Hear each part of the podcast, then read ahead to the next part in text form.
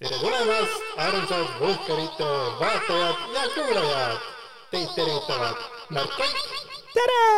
ja Andres Jääger ja te kuulate Vuhkerite sajandat osa. haigushoiu yes. just, see on meil osa number sada äh,. selle väikese nüansiga, et see on osa number kuuskümmend ja patroonhääringud meil on nelikümmend, nii et. sada, Märt, fucking sada. jah kuule, see on küll ebareaalne, sada, ma ei tea, palju on neid fucking podcast'e, kes saja osani üldse jõuavad, noh. sada. naiste jutud, tussisööjad ja kolm tükki veel on kõik mm. -hmm, just, et see on ja, ja siinkohal ongi suur aitäh kõikidele meie kuulajatele, kes on olnud terve see aeg või ainult osa sellest meiega. suur aitäh kõikidele meie fännidele ja kõikidele nendele, kes ei ole meie fännid, et ka teile, ka teid on olnud vaja ja siiani on vaja, et tere väga-väga-väga on vaja tegelikult. ja www.patreon.com kaldkriips Vohkarid, seal on täpselt nelikümmend saadet, mida te veel ei ole kuulnud, kes ei ole juhuslikult Patreon. aga ma tegin väikese küsitluse taaskord oma Twitteris, et ma ei mäleta, palju seal osalejaid oli, mingi sada üheksakümmend või sada viiskümmend midagi taolist. üks oli ja mina ka. ja siis ikkagi kolm, mida, mida sa vastasid, Ahv? Aru, ma, ma, ma, saad aru, ma juba, juba olen nagu tiltis, vaata. kuidas sa rikkusid ära minu selle statistika äh,? ei riku, ei, et kui mina osalen, siis see rikub statistika ära. ei, mina ei saanud ju osaleda ju, vaata äh, palun vabandust, ma ei suutnud ennast tagasi hoida, ma, ma, ma panin selle, selle vastuse, mis vastab selles mõttes tõele ka. et ma mõnda osa olen kuulanud You fuck tegelikult ka. Aga kaksteist, aga kaksteist protsenti vastaski, et nad on kuulanud mõned, kus hea pealkiri, kakskümmend viis protsenti ütles kõik tavasaated, kakskümmend viis protsenti ütles enamuse tavasaateid ja kolmkümmend kaheksa protsenti vastanutest ütles kõik viiskümmend üheksa tava ja nelikümmend Patreonit. ja sada kakskümmend kaheksa vastajat oli, nii et tead, selline täielikult põhjapanev, põhimõtteliselt Norstad ju põhimõtteliselt küll, selle alusel võib teha tea, täitsa panna paika, et meil ongi sada kakskümmend kaheksa tuhat kuulajat ja väga, väga hea. ja, täpselt need, vaata, kes juhuslikult mind jälgivad, nemad noh, siin ei ole üldse, noh, siin ei ole nagu mingid suvalised, see on, kõik on nagu, ainult suvalised inimesed vastasid. siin ei ole mitte sellega, midagi sellega seotud, Twitteris need, kes jälgivad. aga mul on väga suur lust ja rõõm olnud sinuga saadet teha. jah, sama, sama. mul on ka, mulle meeldib ennast kuulata või noh, sinuga on ka tore olnud, selles mõttes. ma, ma, ma hoian, mul on raske võtta komplimenti vastu. mulle on meeldinud väga, väga teha seda sadat saadet, ma loodan, et teeme sada veel. no vähemalt vähemalt. okei okay,, nüüd jällegi pingutasime üle äh.. ja pinge peal. oh no. Lähme ruttu saatesse ja Märt alustab oma lemmiknaise art, äh, mitte artikliga, vaid Facebooki postitusega just nimelt, äh, vana hea Võhkarid ei saa me ilma Facebookita ja ei saa me ilma Malle Pärnata ja siis me mõtlesime, et me võtame need kaks asja, siis me paneme need lihtsalt kokku äh,. ikkagi sajas saade, fucking sajas saade. Malle Pärn ei saa jääda välja ta on meie staar mm. -hmm. Malle Pärn kirjutas Facebooki postituse, mis on äh, väga lõbus. see on, see on väga vahva, päriselt ka. Äh, muhe, tore ja esi-, tekitab küsimusi aga Malle Pärn natukene pahane ja kirjutas siis niimoodi, et nagu ta kirjutas, kuulake nüüd seda teist sõna, te saate aru, kui pahane ta on olnud. mille kuradi pärast pean mina iga natukese aja tagant uurima mingeid elektripakette riik peab kindlustama elektri kõikidele kodanikele ilma igasuguste mahhinatsioonideta ja sõkeldamisteta ja lisatasudeta ja õhu müümiseta. kodanikule jõukohase hinnaga, mida ta jaksab maksta sellest palgast, mille see riik ise on temale korraldanud. uh. peale. jah. jaa. tead. ma olen pahane. ütle, proovime veel kuus korda no igatahes ma armastan seda, kui kristlased kasutavad sõna kuradi, sest et mm -hmm. tegelikult kristlased seda ei tee ja tegelikult nad ei kasuta ka jumala sõna äh, niisama nagu, aga nüüd lihtsalt Malle Pärn on nii, ta on ikka nii närvis, et nüüd on, mille kuradi pärast ma pean ta-ta-ta-ta-ta-ta nagu holy shit, Malle, you are losing it, nagu. aga ta ei kirjutanud kuradi välja too, ta kirjutas krdi jah, selles mõttes ta on veits nagu uue kooli inimene ikkagi. How do you do, fellow kids põhimõtteliselt küll. ja mm., ja siis see, noh, minu lemmik on ikkagi see, et ikkagi see palk, mille riik ise on korraldanud inimestele.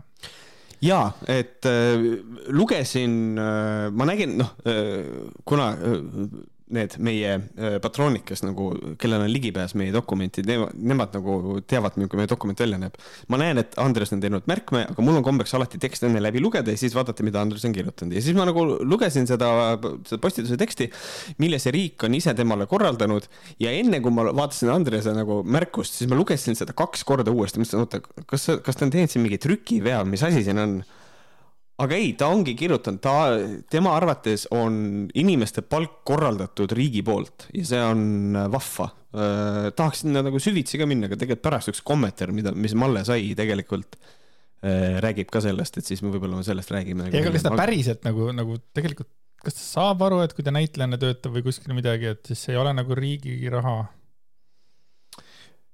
vot ei tea. kui ei ole riigi, kas mõned on riigi poolt rahastatud äh, teatrid no,? on olemas nii-öelda riigiteatrid, aga mulle teadaolevalt, kas ma nüüd ajan midagi segi, aga nagu tegelikult äh, põhimõtteliselt riik ei maksa palka äh, näitlejale mm, -hmm. vaid Ui. riik toetab rahaliselt teatrit ja teater maksab palka selle eest, et noh, see ei ole ikkagi nagu päris sama asi aga, aga mitte nagu päris jah. samas ta, tema vaata, ta on Tartus rahanduskomisjonis, kui ma ei eksi ja seal tegelikult ta ju saab nagu siis nagu riigipalka ja siis ta kujutabki ette, et nagu kõik ongi nagu seotud mm -hmm. sellega. saad aru, saad aru, ta on rahanduskomisjonis, mõtle selle peale ta.... Fun, fun, fun, fun, fun. sellised fucking inimesed töötavad siis meil nagu selliste kohtade peal, kus tegeletakse asjadega milline hea lause tuli kokku, fantastiline yeah,. ma olen nii super, ma olen parim. ma tahan saada kindlasti aasta kaks tuhat kakskümmend kaks parima podcasteri mitte plähmerdava kuradi ahvi auhinda mitte plähmerdav ahv Andreas Jääger. ja Andres, Andres läheb lavale, super proud, yes that's me. absoluutselt, oot, see on, vaata, see on nagu see Räsis on äh,, enne Oscareid anti mm. -hmm see oleks nagu, see oleks unistus, kui nagu ma oleks päriselt mingi suur-suur Hollywoodi näitleja ja siis ma saaks selle räsi ja siis läheks nagu Sandra Bullock läheks lavale lihtsalt ja oleks hunnik All About Stevie DVD-sid kaasa, ta ütleks, et no it's not that, that bad, aga noh, see oleks nagu, see on nii kõva oli lihtsalt. ja, ja Hal Berry oli vist teine, kes ka käis oma Razzie Awardil vastu võtmas ja siis ta, kas ta mitte ei teinud niimoodi, et ta veel mängis, et ta nuttis ja oli hästi südantlõhestav, ta ütles lihtsalt, ma tahan tänada neid ja neid et äh, mul on nagu väga suur austus inimeste vastu, kes nagu äh, suudavad räsi vastu võtta, nagu lähevad ise kohale nagu, sest et nad, nad ju tegelikult kõik kutsutakse ka. kuule, sa võitsid räsi, tule võta vastu, et äh, see on lahe, kui, kui nad nagu lähevad mm. -hmm. väga tuus. aga äh, kohalike näitlejate juurde tagasi ähm, miks ma pean jälle hakkama uurima mingit aina nõmedamat uut lepingut, mis on tehtud ilma minuga nõu pidamata? see pole leping, see on ühepoolne vägivald üks riigiettevõte sõna otseses mõttes röövib oma kodanikelt nii palju raha, kui ta soovib.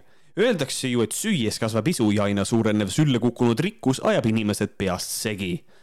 aus leping tehakse kahe poole vahel. minult ei küsi EE ju mitte midagi e. E. ehk siis e Eesti Ekspress. ehk siis Eesti Energia ilmselt. ma mõtlesin, et Eesti Ekspress ei küsi tema käest midagi. mitte Elektrilevi. jääme Eesti Ekspressi juurde.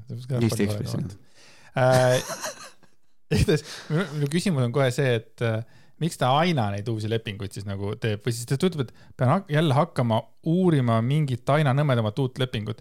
jälle hakkama, palju ta neid äh, siis neid lepinguid, nõmedat uut lepingut saab sealt? Ma, ma ei kujuta ette, kas ta vahe, kuidas ta neid kogu aeg saab, kas ei peaks olema nagu üks leping, mis nüüd tuleb siis, et või noh, see, kui tuli see tema mingisugune leping läbi sai või nagu, mis värk tal sellega on, palju tal neid lepinguid on?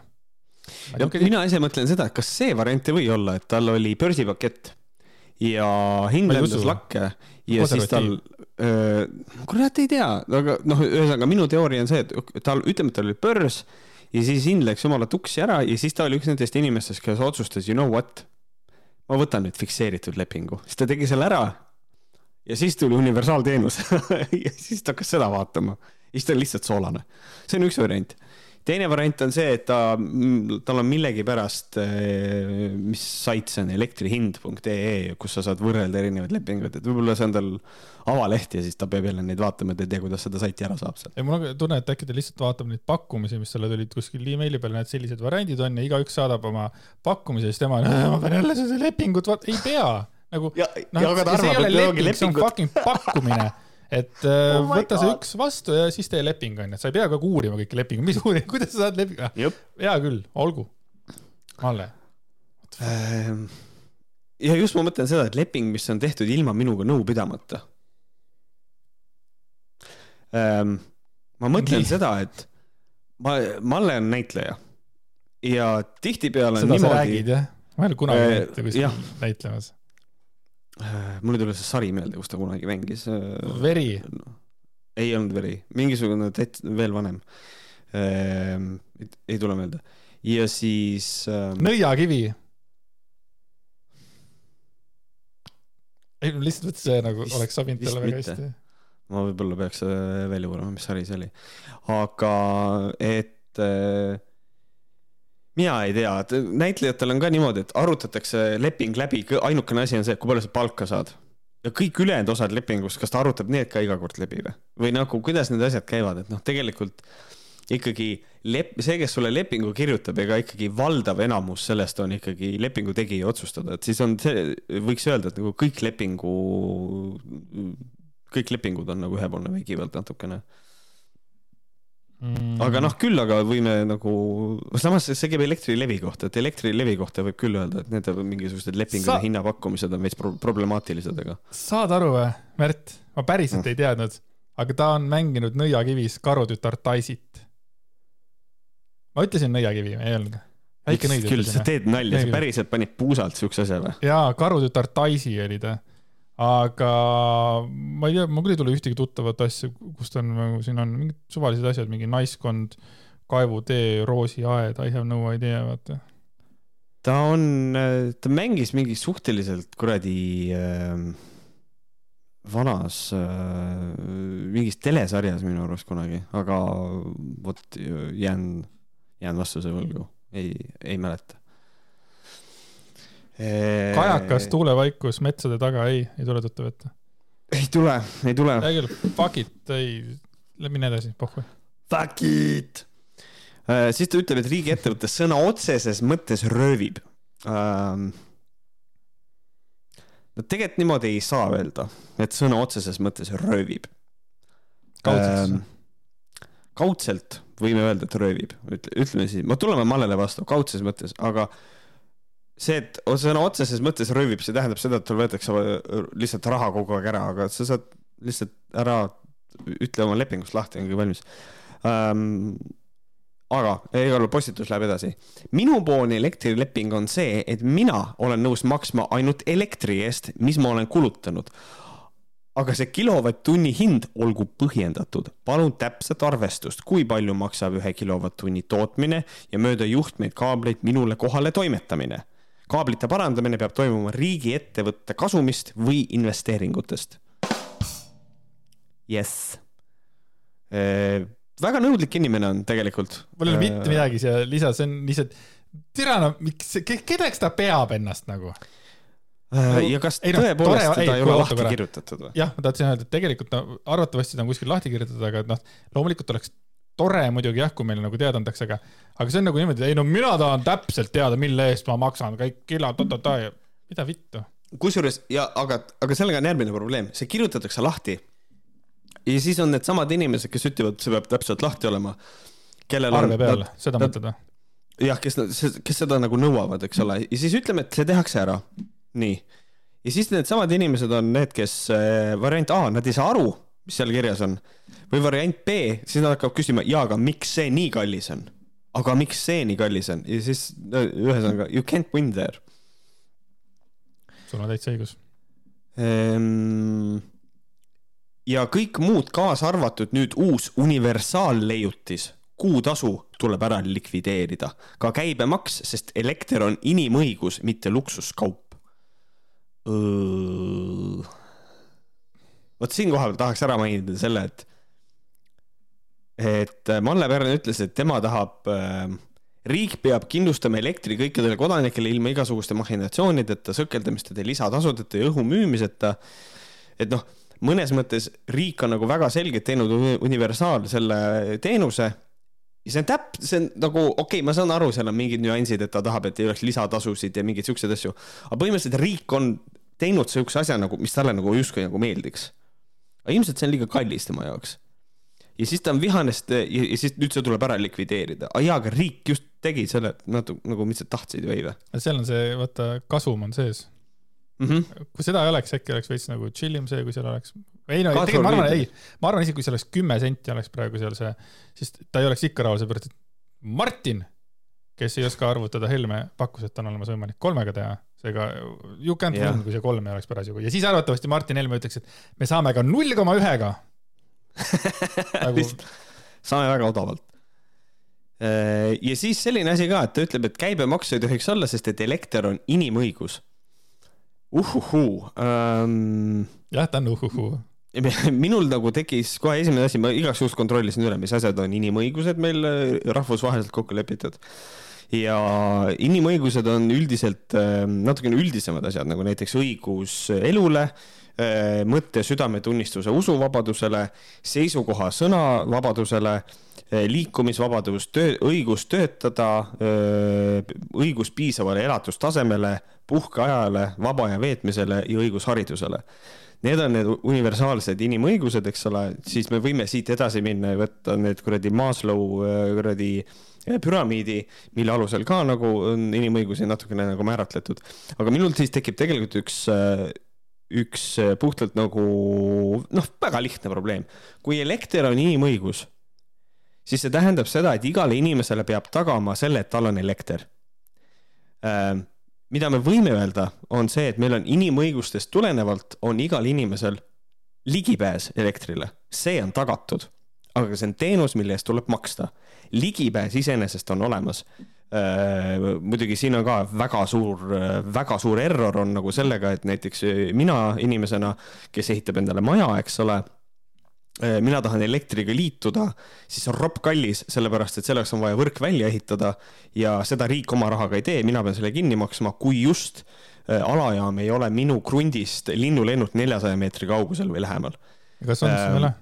ei ole, aga Elektrilevi, siin on nüüd väikene, väikene huvitav asi tuli välja, et äh, tuli välja selline asi, Elektrilevi tegi ühe hinnapakkumise Äh, mitte küll meile, aga noh, ühesõnaga äh, see on üks teine, teine indiviid, aga äh, Elektrilevi teeb pakkumise, mis mingi kolmteist tuhat eurot. täiesti noh, see on võimatu, no can't happen. Ja hinnapakkumise sees on mingisugused, kui ma ei eksi, mingi trafovahetus ja siuksed asjad, sellepärast et selles alajaamas neid töid tehtud ei ole.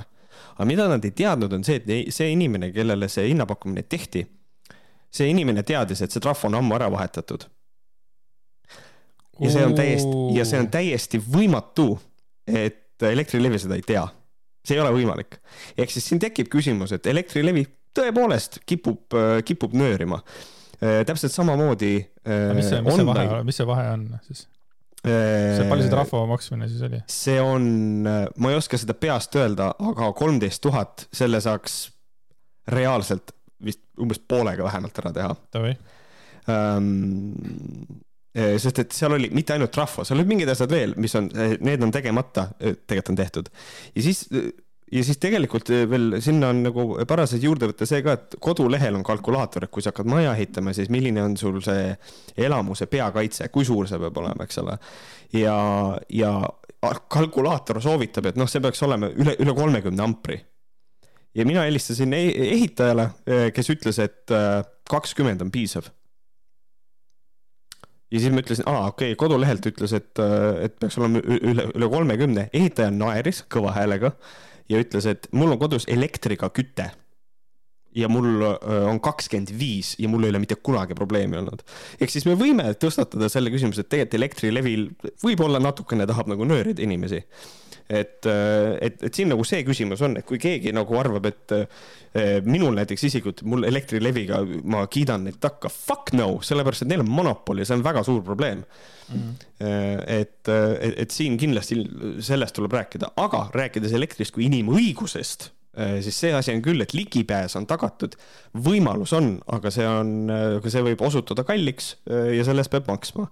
ja, aga kuhu ma tahtsin jõuda, on see, kui elekter on inimõigus päriselt, kui võtame seda, et meil on meil on igal inimesel peab olema kodus elekter ja see on inimõigus, siis see tähendab seda, et kui mul on elektriühendus, siis seda ei saa mult ära võtta, kui ma ei maksa selle eest. mis tähendab seda, et elekter peaks olema siis tasuta teenus. kinni ei saa panna või? Äh, ei, ma räägin, aga kui see on inimõigus. aa, true mm. -hmm. Et, praegu ei ole äh, just, et kui elekter on inimõigus, siis, siis see peab olema tasuta teenus, sest et vastasel juhul noh, tekib lihtsalt see probleem, et küsitakse raha, okei okay,, aga ma ei maksa, no aga ei saa välja ka lülitada ju siis, et noh, Mhm. ongi, et see, see, et see väita, et see on inimõigus, on tegelikult ikkagi väär. Don't get me wrong, jesus christ, võiks olla muidugi, võiks olla, et elekter on tasuta, ma tahan ikka ka seda tasuta, let's go. Ehm, Eesti riik on kujund-, on kujundatud ideaalseks röövlikamba ümardamise süsteemiks. inimesed suunatakse üksteist röövima. kes seda ei tee, on saamatu ja ise oma vaesuses süüdi. Riigiettevõte ei tohi rahvast röövida. mis see tähendab? mis see tähendab? kes seda ei tee, on saamatu ja ise oma vaesuses süüdi. Ehm, kuhu ta sellega nüüd jõuab, et see on, see on mingisugune väga antikapitalistlik seisukoht. et ähm, noh, see on see, et kapitalistid, kapitalism on üles ehitatud teiste inimeste röövimisele ja see, kes ei röövi, on, on selles ise süüdi ja vaesed ja vaesed on ise süüdi, et selles, et nad on vaesed. olen kokku puutunud inimestega, arvavad. aga kui ma ei röövi ja ei ole vaene, mis ma siis selle lausega peale hakkan? siis oled saamatu, kui sa, kui sa, kui sa ei ole vaene Aa, ja ei röövi, siis oled saamatu. igal juhul on kuidagi, ma ei saa võita siin praegu vist onju igal juhul saamatu ma olen vähemalt just, just, just. aga see on huvitav, ma olen kohtunud inimesega, kes nagu tõsimeeli ütleb, et, et vaesed inimesed ei oleks vaesed, kui nad lihtsalt tööle läheks. mis on üks kõige priviligeeritumaid inimesi. nii tuttav lause. see ei ole no, see ei ol-, see on tuttav lause, sest et siukseid inimesi on meie hulgas, kes ütlevad, et vae-, vaesed inimesed on kõik ise oma vaesuses ilmtingimata süüdi, ükskõik mis põhjusel. kas Anita Sibul ei öelnud ka sama asja? Ütles küll, ütles jaa, oli küll jaa, temal oli vaeste suhtes väga kummaline seisukoht jah. Aga see on. ja, ja et aga üldiselt noh, et sihukest asja öelda, pead olema priviligeeritud või loll, üks kahest nagu. Siis ta ütleb, et riigiettevõte ei tohi rahvast röövida, rääkisime, see ei ole otsene röövimine, mis siin toimub. ja siis öeldakse seda, vastik süsteem, jälg süsteem, mina ei taha niisuguses röövlisalgas elada. ja ma teeksin kohe referentsi tema enda jutule, kuna tema räägib inimõigustest, ma mainisin ära. üks põhiline inimõigus on liikumisvabadus. nii et Malle, üks fundamentaalne inimõigus võimaldab sul siit riigist lahkuda ja minna mujale elama, kui sulle ei meeldi siin elada ma kirjutan ka alla, panen sinna autogrammi alla, mitte allkirja, vaid autogrammi.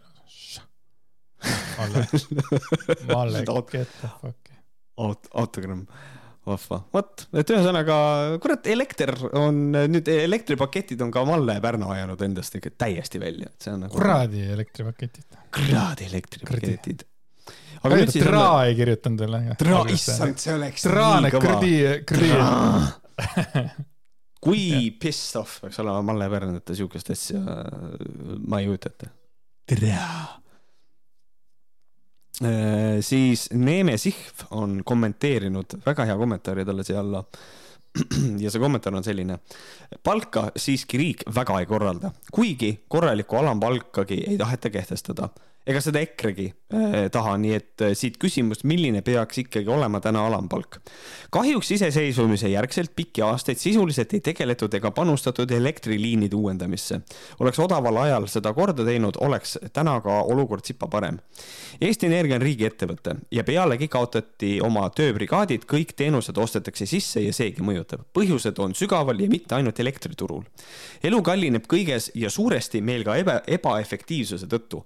Mark marketid vohavad, neid on liiga palju ja lisaks hindade tõusule ei lase see ka omakorda palkasid tõsta.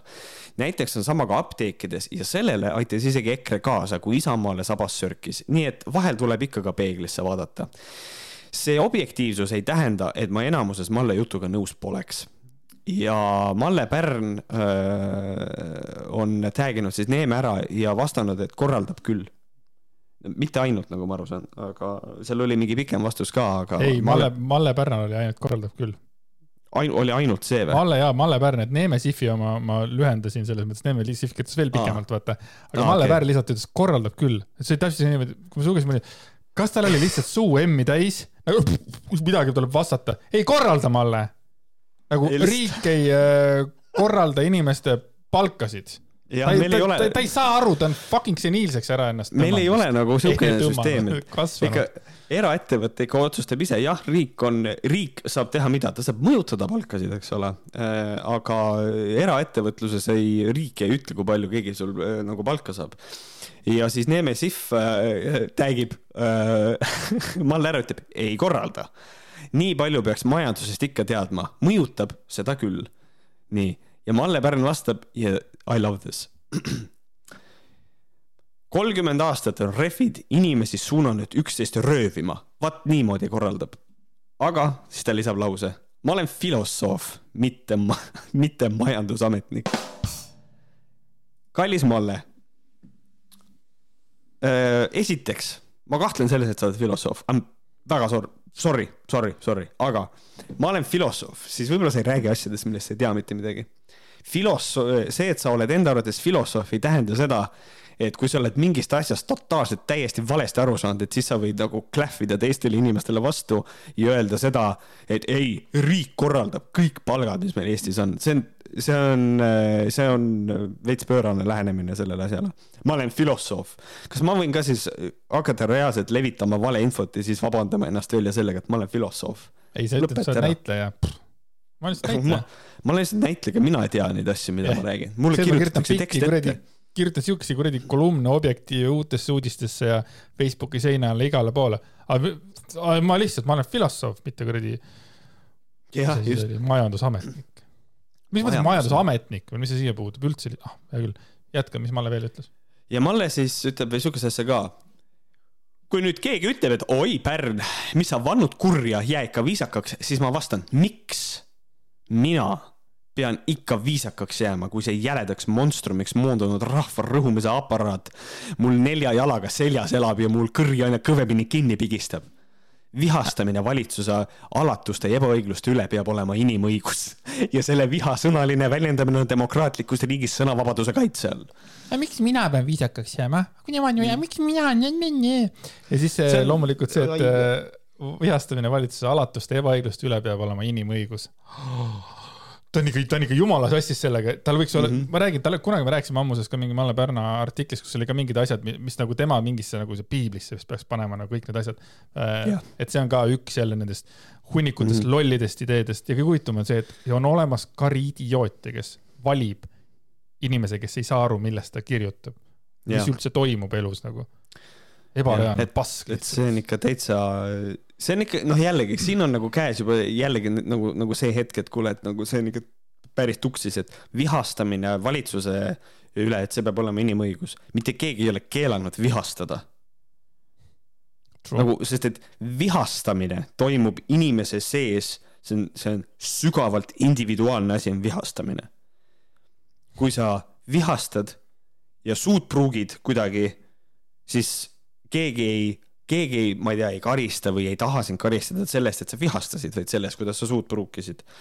ja see, et ta seda sõna väljendab, on demokraatlikus riigis sõnavabaduse kaitse all see on inimõigusena jah, sul on meelsus, meelsus, meelsust võid äh, nagu avaldada küll, aga siin nagu kumab nagu läbi see, et kui keegi julgeb kuidagi vastu vaielda, et kuule, et nagu see on nagu natukene nõme seisukoht või midagi, siis on jälle, tuleb see klassika, et "Ah, ma võin öelda, see on, see on sõnavabaduse kaitse all. Ja ei, me saame seal, me saame sellest kõigest aru, muidugi sõnavabadus on Eestis midagi muud, aga fuck that, nad niikuinii ei saa aru sellest, millest nad räägivad. et me saame sellest aru ja ei, ma ei vaidle vastu, jumala eest, kirjuta oma postitusi absoluutselt ja, aga see on avatud ju kriitikale ometi või sa tahad öelda, et mina ei tohi kritiseerida, sest et tohin küll, sest et see on sinu enda sõnade järgi sõnavabaduse kaitse all, kas ma ei tohi sinu peale vihastada, Malle või? see peaks olema inimõigus.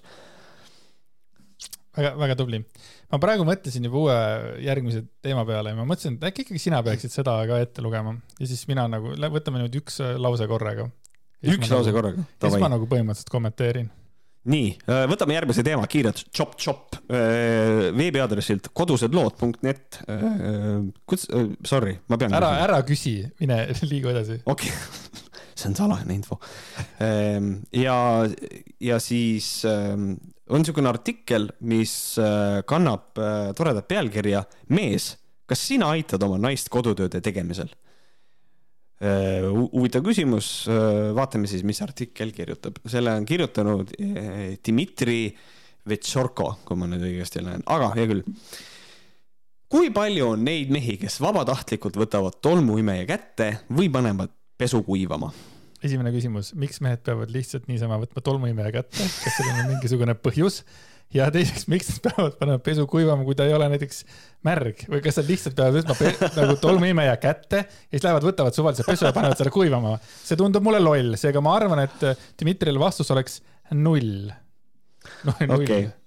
Um, aga ma nagu mõtlen selle peale, et being less of an ass, siis Fuck you ma tahaks teada küll, et mind tegelikult huvitaks küll see, et kui palju on nagu Eestis, kui palju on neid mehi kes keelduvad oma kodu koristamast, sest et see on naise töö. see on tegelikult Martin, väga huvitav. Mart, Jaak, kes on Peeter, Kalle. ei, ma arvan, sest ma peaks võtma olla. endale, ma peaks võtma endale, ma peaks poest ostma äh, Citrulisse selle laimi endale siia, ühe laimi laua peale ja siis iga kord, kui ma tunnen, et sa lähed, hakkad üle piiri minema, siis tõstan selle üles näitan sulle. mina ei taha midagi sellega seotud olla, vaata. jah et äh, aga, aga ei just, aga, aga see nali mulle iseenesest meeldib. aga selles mõttes. mees võtab kätte tolmuimeja. ma teen Twitterisse homme ehk siis kolmapäeval, kahekümne kuuendal teen küsitluse ja panen nädalaks ajaks selle ülesse. ja küsi, küsin selle ilusasti kui palju on, sina ainult mees, kas sa võtad kätte tolmuimeja? ja ära unusta siis alla kirjutada, et see on äh, jäägri, äh, jääg, jäägri uuringud, äh, mingisugune, tee oma. nii tore on uuringuid ja mulle meeldib protsente vaadata, mulle fucking meeldivad numbrid lihtsalt, rohkem kui Martin Helmele kindlasti. nii, ja kas ei ole mitte elementaarne, sest et see on ju teie ühine kodu ja seega ühised tööd? olen nõus, väga armasti, Miti, mine edasi jah, just, äh, kommenteerin ka kõrvale, kui äh, ühine kodu, ühised tööd, see ei tähenda seda, et, äh, et peab ilmtingimata kahekesi samu töid tegema, neid saab ka jagada, aga üldiselt jah, võiks olla niimoodi, et igaüks ju kodus ikkagi teeb midagi. ta ei käi ju paljalt ringi ja teab, et pesu tuleb vahepeal pesta. kui mõlemad käivad peres tööl, peaksid mõlemad hoolitsema ka koduste tööde eest. nii, nüüd on küsimus jällegi, et aga kui üks ei käi, kas mm -hmm. siis see, kes ei käi tööl, kas tema töö on siis koristada ja see tähendab, see inimene, kes käib tööl, tema siis enam ei ole nagu selles kooselus nagu võrdne partner, vaid tema käib tööl. jah, ma mõtlen ka ja, ja ma mõtlen ka seda, et kui näiteks naine on kodune, last ei ole. Versus kui laps on. kui laps ka nagu... on jah. ei, ei, ma arvan, et see pole vahet, naine on kodus. lapse kasvatamine ei ole töö. ma olen seda nii palju kuulnud nagu mm -hmm me, meeste poolt, holy shit, ma olen äh, võidelnud võitluseid selliste lausete peale. mina olen, äh, minul on nagu see seisukoht, et äh, nüüd olles varsti juba üksteist kuud olnud isa, kui keegi ütleb mulle, et lapse kasvatamine ei ole töö, siis konkreetselt lihtsalt laske maha ennast nagu reaalselt. siis ta ei ole last kasvatanud. ma, ma tulen nendele vastu selles mõttes, et ju ta ei ole kas-, last kasvatanud lihtsalt, kui ta arvab, et see shit, ei ole töö. Lähen, nagu ma tegelikult, äh, ma, ma võtan tegelikult sellise seisukoha, äh, võib-olla, võib-olla on controversial. Ähm, kui on mees, kes ütleb, et lapse kasvatamine ei ole töö, siis on kaks varianti. ta kas ei ole kunagi last kasvatanud või ta on sitt isa mm,. jah, jah. sest et selles suhtes, äh, ei, sul on, sul on isegi veel õige, õigem point, absoluutselt. sitt isa on ka vist üks asi, jah, mis on ikka vist päris päris okei okay asi nagu siin nähes ähm., kuidas isad kasvatavad või ei kasvata oma lapsi. aga hea küll mm.. ma ei hakka üldistama, ma, ma ei hakka üldistama selles mõttes, ma tean lihtsalt, et siin on praegu kaks maailma parimat isa äh, sageli aga juhtub, et samal ajal, kui naine peale tööd hakkab koduste toimetustega tegelema, vaatab mees telekat ja ootab, kuni õhtusöök valmis saab.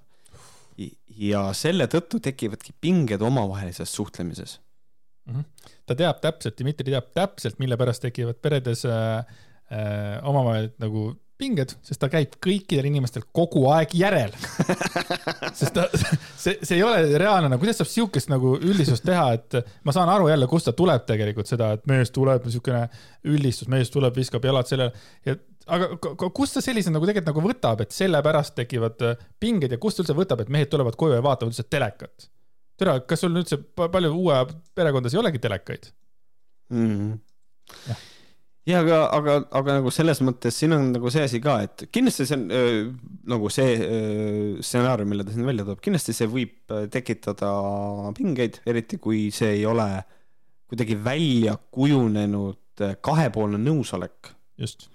sest et noh, üldiselt on niimoodi, et kui ma küll ei kujuta seda endale väga ette, aga kui on öö, peremudel, kus kohas öö, mees tuleb töölt koju ja ei tee kodus mitte midagi ja naine teeb ja mõlemad osapooled, ma pean nii ütlema, kui ja et mõlemad osapooled on sellega rahul ja see ei häiri neid, siis tegelikult seal probleemi ei ole. et äh, aga pinged Et- võivad muidugi ka hiljem tekkida selles mõttes et üks hetk jaa. hakkab see pott üle podisema, onju. aga siis on nagunii juba sitt mees tegelikult. nii, uuringud näitavad, et naistel läheb keskmiselt kolm tundi päevas koduste tööde tegemisele, meestel poole vähem kui sedagi. Märt. Märt, tere, ma ei tea, kus mina elan, onju. aga alustame sellest, pohhu, uuringud näitavad, cool, pane mulle mingisugune link juurde. okei okay,, I get it, ma vaatan üle selle, aga naistel läheb kolm tundi päevas koduste tööde peale, meestel siis üks koma viis tundi või? mida vittu teevad neli pool tundi koduseid tööd, mida see tähendab? mm,. jah.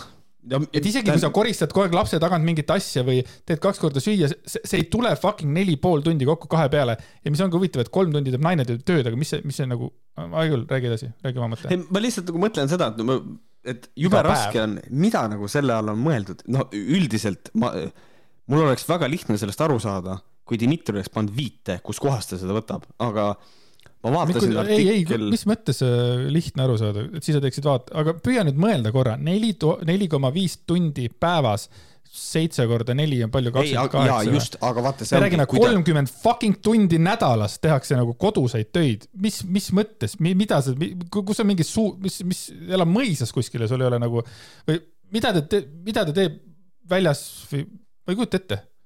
Ja ma tahtsingi seda öelda, et äh, kui ta oleks uuringule viidanud, siis ma oleks saanud uuringust lugeda seda, mida on siin alla ar nagu arvestatud kõik ka kokku. et ma arvan, et see tuleks uuringust nagu välja. ma olen, ma olen juba närvis, tead, see, ma ei suutnud siit seekord, ma saan aru, et üldiselt mul on nagu see, et ma tahaks nagu teada, aga millegipärast Dmitri lihtsalt ütleb, uuringud näitavad ja tal ei ole ühtegi viidet, nii et äh, minu jaoks on see lihtsalt äh, nagu my source is that I made it the fuck up, veits on nagu selline tunne, et ma tegelikult tahaks nagu väga teada, et nagu pane artiklile juurde nagu, kuskohast seda lugesid, vähemalt kuradi artikli pealkirjad ma nagu leiaks selle, aga ühesõnaga, ühesõnaga jah Eh, naiste õlule jäävad igapäevase elu jooksvate probleemide lahendamised, meestele muu. mis asi on, mis asjad on need igapäevaste elu jooksvad probleemid? nii, ja mis asi on see muu? just, see on see meestele nagu... fucking muu, need on need mehed, kes tulevad koju, ära unusta, need on mehed, kes tulevad koju, viskavad teleka äärde, vaatavad, kuidas naine süüa teeb ja ootavad. ta ei ole isegi kirjutanud, mängivad lastega või või vahetavad riided ära või mida iganes. ei, aga nüüd ütleb meestele muu, mis see muu on? muu. et just, ma tahtsingi jõuda, et igapäevaste elu jooksvate probleemide lahendamised jäävad naistele, aga kui meil on majapidamine, siis ilmselt mina saan sellest aru niimoodi. Nad on omavahel kokku leppinud, mis on need asjad, mida teeb mees ja kui mingi asi juhtub jooksvalt, siis sellega tegeleb naine, näiteks kui pakid tulevad ära, prügikass saab täis. ühesõnaga tegelikult, kui, kui päris aus olla, siis kõik kodused olmelised probleemid tulevad ju jooksvalt. ehk siis see ongi, mis see muu on vist ainult see, et ma ei tea, mees käib vist poes. ma ei tea. siin ei ole kirjas seda. et äh, ma ei tea, minul on, minul on juhe koos, et okei okay,, naised teevad igapäevase elu jooksvate probleemide lahendamine on nagu meestel muu. I don't compute, ma ei saa aru. ongi meestel muu. Naised on ettevõtlikumad ja jõuavad kõik enne ruttu ära teha, kui mehed jaole saavad, sest kaua sa ikka jaksad oodata, kui torud tilguvad, parem on torumees kutsuda. ai, Dmitri Putsi, anna mulle jälle see fucking mingi uuringu asi, et mis see nagu jälle see tähendab, et naised on ettevõtlikumad, mis mõttes, mille suhtes nagu äh, ja, ja kus see toru äkki siia, siia, siia nagu puutus ja miks ta arvab, miks Dmitri arvab, et meest ei või häirida see fucking tilkuv toru? no Nagu- sest, et see on jooksvas probleem. True jah, et, et see on, mul on siuke tunne, et nagu ta kirjutab seda täiesti kõike nagu enda mingi seisukoha pealt, et teda ei koti äh, see ja siis ta hakkabki rääkima mehed ja naised. seal on, on- mina Dmitri ja minu naine Vera. Mul on üldiselt selline tunne, et nagu Dmitri nagu äh, konkreetselt noh, Dmitri ise selline mees ei ole, aga tal on millegipärast, ta, ta teab paari-kolme inimest, kelle baasil ta on selle asja kirjutanud. et Dmitri ise on nagu tegeleb jooksvate probleemidega ilmselt väga, väga nagu suurepärase heameelega, tal ei ole selle vastu mitte midagi. aga millegipärast ta kujutab ette, et teised mehed lähevad koju, löövad jalad diivani laua peale ja lihtsalt ei tee mitte munnigi kodus. et see nagu tekitab minus, minus nagu selle, nagu selle küsimuse. ja siis on nagu see ka, et et kaua sa jaksad oodata, kui torud tilguvad, parem on torumees kutsuda. mina ütlen nagu, nagu kui mina eeldangi, et kutsutakse torumees, sellepärast et on veits öö, veider eeldada, et iga mees peab oskama torusid parandada. Tänapäeval on see asi nagu juba nii, et selles mõttes selle jaoks on ekspert, kes nagu tuleb torumees, tuleb ja teeb asja korda. mina ei tee elektritöid, ma kutsun selleks elektriku, mul on selleks vaja elektrit kutsuda, torumehega täpselt samamoodi. et, et, et siin nagu see nüanss läheb ka nagu kaduma, et võib-olla mees ei saa, ei oska torudega midagi teha, noh, selle jaoks on olemas inimesed, kes seda teevad. ja, aga siin ongi see, et noh, naine peab seda ka tegema, vaata. järgmine lause, järgmine lause. mehed ise arvavad, et kõik on korras ja kusagil ei põle ju. jah, kui toru tilgub, tõesti ei põle. True, aga ma ei salli jälle seda fucking üldistamist, mehed arvavad. mis kuradi meestest sa räägid, tõesti, ta räägib mingi kahest inimesest, keda näinud on või, mis kuradi mehed noh, fuck you noh. äkki, äkki ta ongi üles kasvanud äh, siukses keskkonnas, kus ei ole, kus t- mehi ei ole, ma ei tea, ma ei tea, huvitav jah. seega näevad nad kõike seda, mida koduses majapidamises on vaja teha läbi erineva pilgu. muide, kusjuures see, see ma usun, ei ole vale. mees ja naine võivadki näha asju läbi erineva pilgu, see, see ei ole ju nagu no nad on kaks erinevat indiviidi absoluutselt just, ma kujutan ette, et mina ja Märt kõnniksime ka toas ja läksime läbi erineva pilgu, mis tegelikult võib-olla teha oleks vaja või ja, ja kus põleb mina või kus ei põle, toru. mina näen probleemi, siis mina olen see. tõenäoliselt saab homme ka sellega tegeleda. jah, muidugi. minul on nagu siukene asi. nii, hea oleks, kui naised koostaksid nimekirja kodutöödest, mis ootavad ärategemist ja paneksid selle näiteks külmutuskapi ukse peale. Dmitril on suhe putsis. enne kui Andres jätkab, ütleb Märt ära ühe väga lihtsa asja. lugupeetud mehed, nüüd olen mina, võtan vabaduse üldistada, sealhulgas Dmitri. kui sa räägid seda, et naised teevad kodus kolm korda rohkem või tähendab, mis see oli, poole rohkem kodu, kolm tundi, tundi, mehed on ju poolteist, mehed ei tegele jooksvate probleemidega, naised tegelevad siis miks kuradi pärast sa võtad endale vabaduse ja annad naistele veel ühe lisakohustuse juurde, et nemad peavad tegema nimekirja, panema selle külmkapi ukse peale. Can you fucking stop? nagu Sina... reaalselt. Sina näed niipidi seda, mina just mõtlen Dmitrile, mõtlen, et miks Dmitri kujutab ette, et mehed on mingisugused imbetsillid, kellel tuleb mingi nime. Me lihtsalt ei ole võimelised aru saama, et mida tegema peab. jah, aga noh, Dmitri on nagu ühest asjast on valesti aru saanud, selle asemel, et võtta mingisugused lipakad ja panna need külmkappi selle peale, et mis ajad, vaja on nagu noh, naised kirjutavad, mis on nagu vaja ära teha, onju. türa, äkki räägiks, äkki ütleks või noh. Äkki lihtsalt ütleks, jah. jah, äkki naine nagu äkki, äkki lihtsalt räägiks, kõigepealt võiks asjadest rääkida enne kui Jah. hakkab naine mingisuguseid ülesandeid meile, ma läheks, ma läheks, päris läheks hulluks, ma tulen hommikul, lähen rahulikult, lähen külmkapi teen ukse lahti, ju külmkapi peal juba lemme mulle teinud selle, kõik, mis varem peab A4. tegema. nagu mida noh, mul oli plaanis puhata, vaata. noh, rääkida sellest, et ta tegelikult oleks tegelikult nagunii teinud seda, aga noh, kuna ma olen imbetsill, siis mulle lihtsalt pandi see, aga tead, alustaks mees tuleb, mees tuleb töölt koju, tuleb. tere, ma tulin koju. lihtsalt õudne.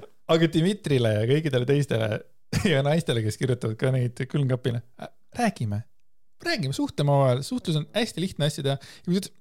ma olen selles mõttes ära hellitatud äh, tõbras. ma räägin oma naisega ja ma olen aru saanud, et ma olen aru saanud, et äh, mehed ja naised, ma ei üldista, aga ma olen kuulnud mõne inimese käest, nad ei räägi uuringud oma. Nad, jah, jah, nad ei räägi omavahel väga palju, onju. ja, ja siis ongi niimoodi, et nagu et me oleme ka kogu aeg räägime, meie mingi see põhiasi on nagu suhtlus omavahel. ja siis ongi, siis ongi siis mingisugused oh, that's gay. ja, ja siis ongi mingisugused nagu, nagu idioodid, kes nagu, nagu nad ei suhtlegi, siis jätavad mingisugused lipakaid, et tee nüüd see ära, tee nüüd see ära. äkki nagu räägiks hommikul meiega, naistele ka. Rääkige nagu oma sinna- meestega, kuigi ta on munn, vaata, sest Dmitri räägib nagu tõbrast on tegelikult. vaata see, siin on, no aga, aga, samas Dmitri ei räägi ju endast eriti. Ta, ta üldistab, ma arvan, ta räägib teistest meestest, ma ei tea, ma, sellest Ei, fookusest ei. on natuke raske aru saada. Märt tuleb, edasi läheb ja sa saad aru, et ta räägib Okei. ikkagi iseendast. Äh, siin on see, et jätud, sina suhtled oma naisega, mina tean niisugust lugu, et äh, mees äh, jättis maha oma tüdruksõbra. ja kuidas? ta saatis SMS-i talle. tere, tänapäeva tänapäeva noored, noh. sorry, can't make this work, Joe Messengeriga Oh, oleks ka hea olnud muidugi. mm,. kui mees on mõistev, jah, oota, oota Twitteris või nagu see kuradi Silvia Ilves tegi kuskil. Facebookis või kuskil ongi ma olen Instagramis. otsustanud selle suhte lõpetada. Bitch, this is a public post, what the fuck? peale selle Paul on voodis sitt. What the fuck? mis asja? How fucking dare you? issand jumal, ma olen, tead, ma olen äh, olnud, tead, mul on Paul. Neitseviga, Paul Neitsev on öelnud, et mul on äh, kole soeng ja, ja ta on öelnud asja, mulle sihukest asja minu, on, ongi kõik esimene saade, ma olin väga pahane ta peale. My hair Okei. isn't your business. aga noh, kui on üks asi, mille eest mina oleks öelnud, you know what, ma saan inimesena aru, oleks see, kui seal oleks, Paul Neitsav oleks tapmisest kinni pandud pärast. mina, ma oleks olnud, Paul, ma saan aru, ma saan aru. lihtsalt niimoodi, teil on niimoodi ei tehta, what the fuck, väga, väga ebaeetiline käitumine, aga hea küll. kui mees on mõistev, siis ta saab aru ja tegutseb. kui ta aga ei taha aru saada ja, ja kui ta on juba nii harjunud elama, siis ei ole midagi teha. nii, ja niimoodi lõppes see lause Ja, ja jätka. Märt. okei okay.. ja Märt jätka. sellisel juhul tuleks rääkida otse ja keerutamata ning küsida, kas härra võiks panna pesu kuivama või koristada toa ära või valmistada koos süüa õhtuks. saad aru, Dmitri just ütles, et mitte midagi ei ole teha ja järgmises lauses ta ütleb, sellisel juhul tuleks rääkida. türa, sa kirjutad, midagi teha ei ole siis. aga siis ei ole ju teha. siis ei ole midagi teha, onju. tuleks rääkida, sellisel juhul, saad aru või? kui, kui, kui väiksed lipakad seal külmkapi peal, need ei toimi, hakkame siis rääkima. türa, kes sa oled mingi tagurpidi maailmas seal või? kuule, mul on kuule, et mul on käed värvised Uh. et kuidas ma selle, kuidas ma selle värvi siit maha saan. see, see, see värv on sul käe peal permanentselt ja sa ei saa mitte midagi teha, et seda värvi sealt ära saada, aga, aga võta nitrolahus ja see võtab värvi lahti. no sihuke jutt, noh mm -hmm., mitte midagi ei ole teha, unless äh, see. ärritumine ja vihastamine ei too aga midagi head kaasa kui sa hakkad märkusi tegema, kuidas mehed nõudepesumasinasse nõud on ladunud, siis kaob tal üldse igasugune soov aidata. ühesõnaga, mitte midagi ei ole teha, aga räägi mehega, siis ta hakkab tegema. aga ära jumala eest teda kritiseeri, kui ta midagi valesti teeb, sellepärast et siis ta ei taha sind enam aidata. mina arvan, et Dmitri äh, nagu seal see, noh, tema nime alla on peitunud tegelikult Kris Kala, sellepärast et äh, ta räägib, ta räägib nagu oma naisega, vaata nagu mäletad, kui Kris Kala rääkis, kuidas naised, miks te nii teete, et meile keppi ei anna. Rääkis kõva häälega, kuidas tema naine talle keppi ei anna ja siis olid naised, miks te nii teete, kogu naissugu on süüdi, onju. ja praegu Dmitri ütles samamoodi, et, et kui sa hakkad märkusi tegema, kuidas mees nõudepesinasse nõud on ladunud, siis kaob tal üldse igasugune soov aidata. türa, mine räägi oma fucking naisega, ütle, et kuule, see teeb mulle haiget, et sa mulle nii ütled või mida iganes. türa, see ei ole normaalne, rääkimata seda jälle, niisugune sita häda see fucking mees on Dmitri arvates. no ta kaob üldse igasugune soov aidata. aa, okei okay., aidata või? türa, sa tahad fucking aidata. mis kuradi fucking aitamisest me üldsegi nagu räägime, see on fucking kooselu noh see, see, see on nii värdjas asi, et inimene, ta, ta ütles lõpuks selle välja, aidata oma naist. kes ta on, kas ta on laps?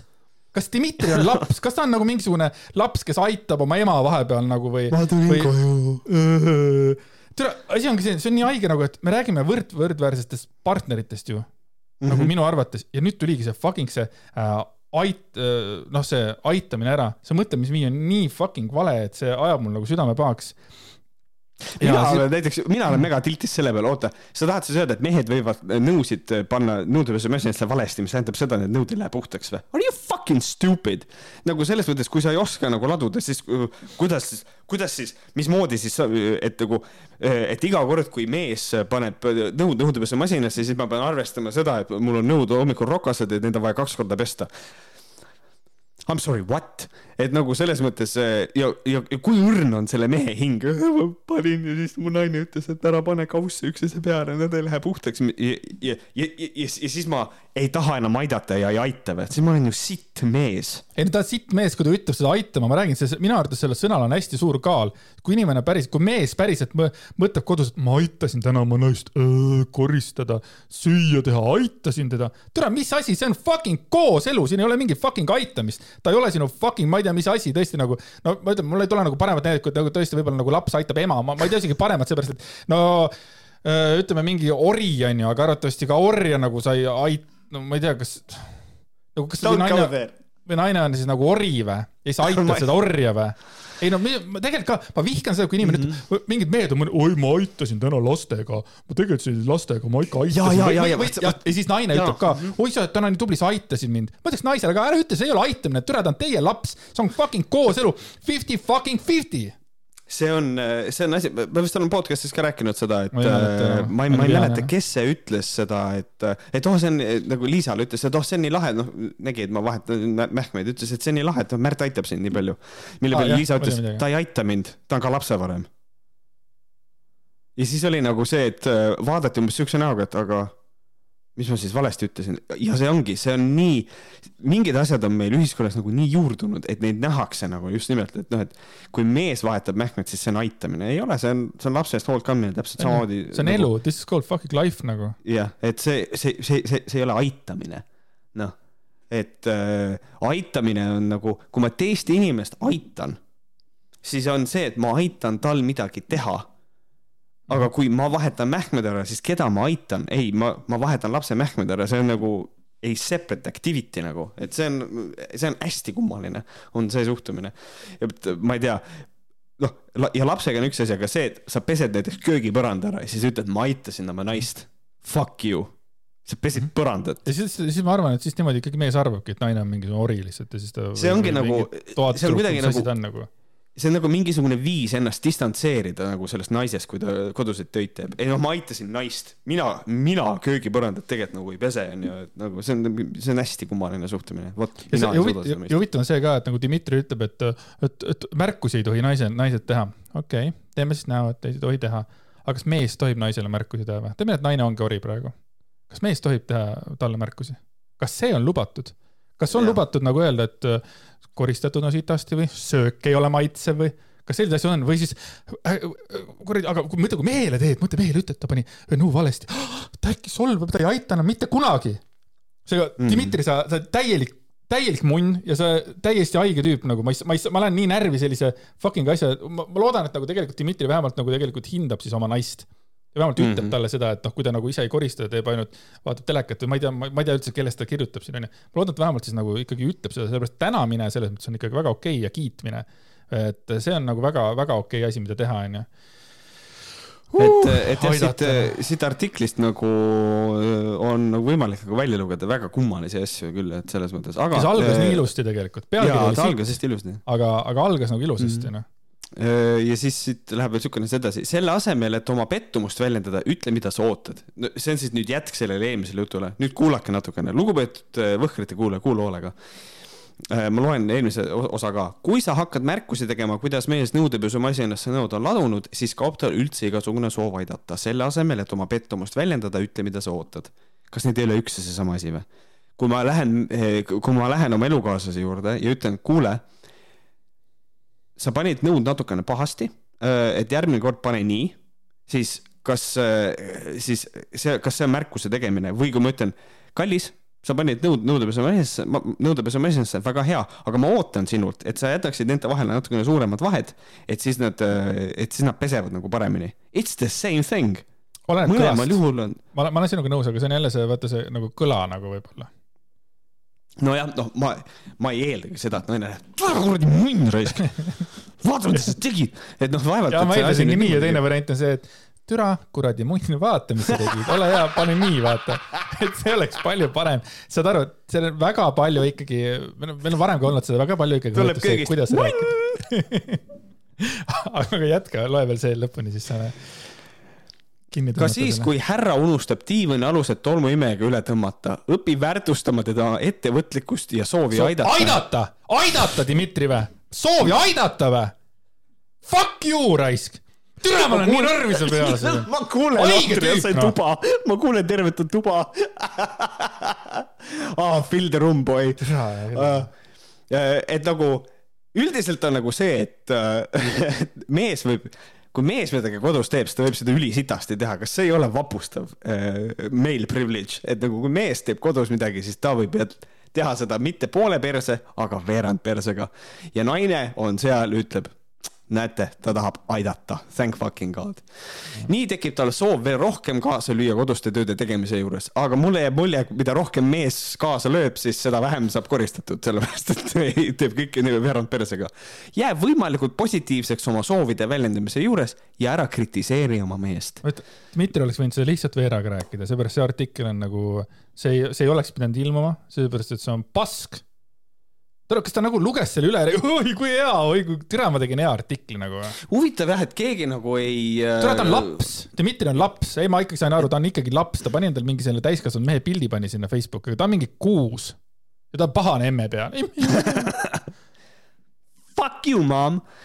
ei tea, natukene, minul on lihtsalt äh, minule üldiselt jääb selline mulje, et äh, tegu on artikliga, mis on kirjutatud nagu kõige parema tahtmise juures, nagu nad ikka, eks ole, aga ikkagi siit tuleb läbi nagu ikkagi selline ähm,, et lõppkokkuvõttes on etteheited ikkagi naistele, kuidas naised võiks paremini teha Äh, ja ma leian, et see on noh, ikkagi veits selline misoküünne veits, et natu-, natukene kummaline suhtumine on siin artiklis, mis siit nagu läbi kumab.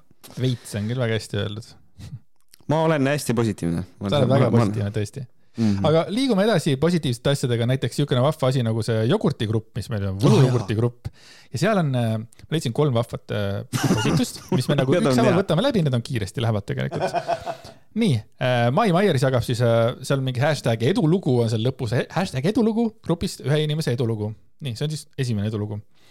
sõber annab jogurtit äh, kaks supilusikat päevas oma koerale ka kohe näha, nädala jooksul on koera karv pehmem ja siitsem ja ei ole enam koeralõhna.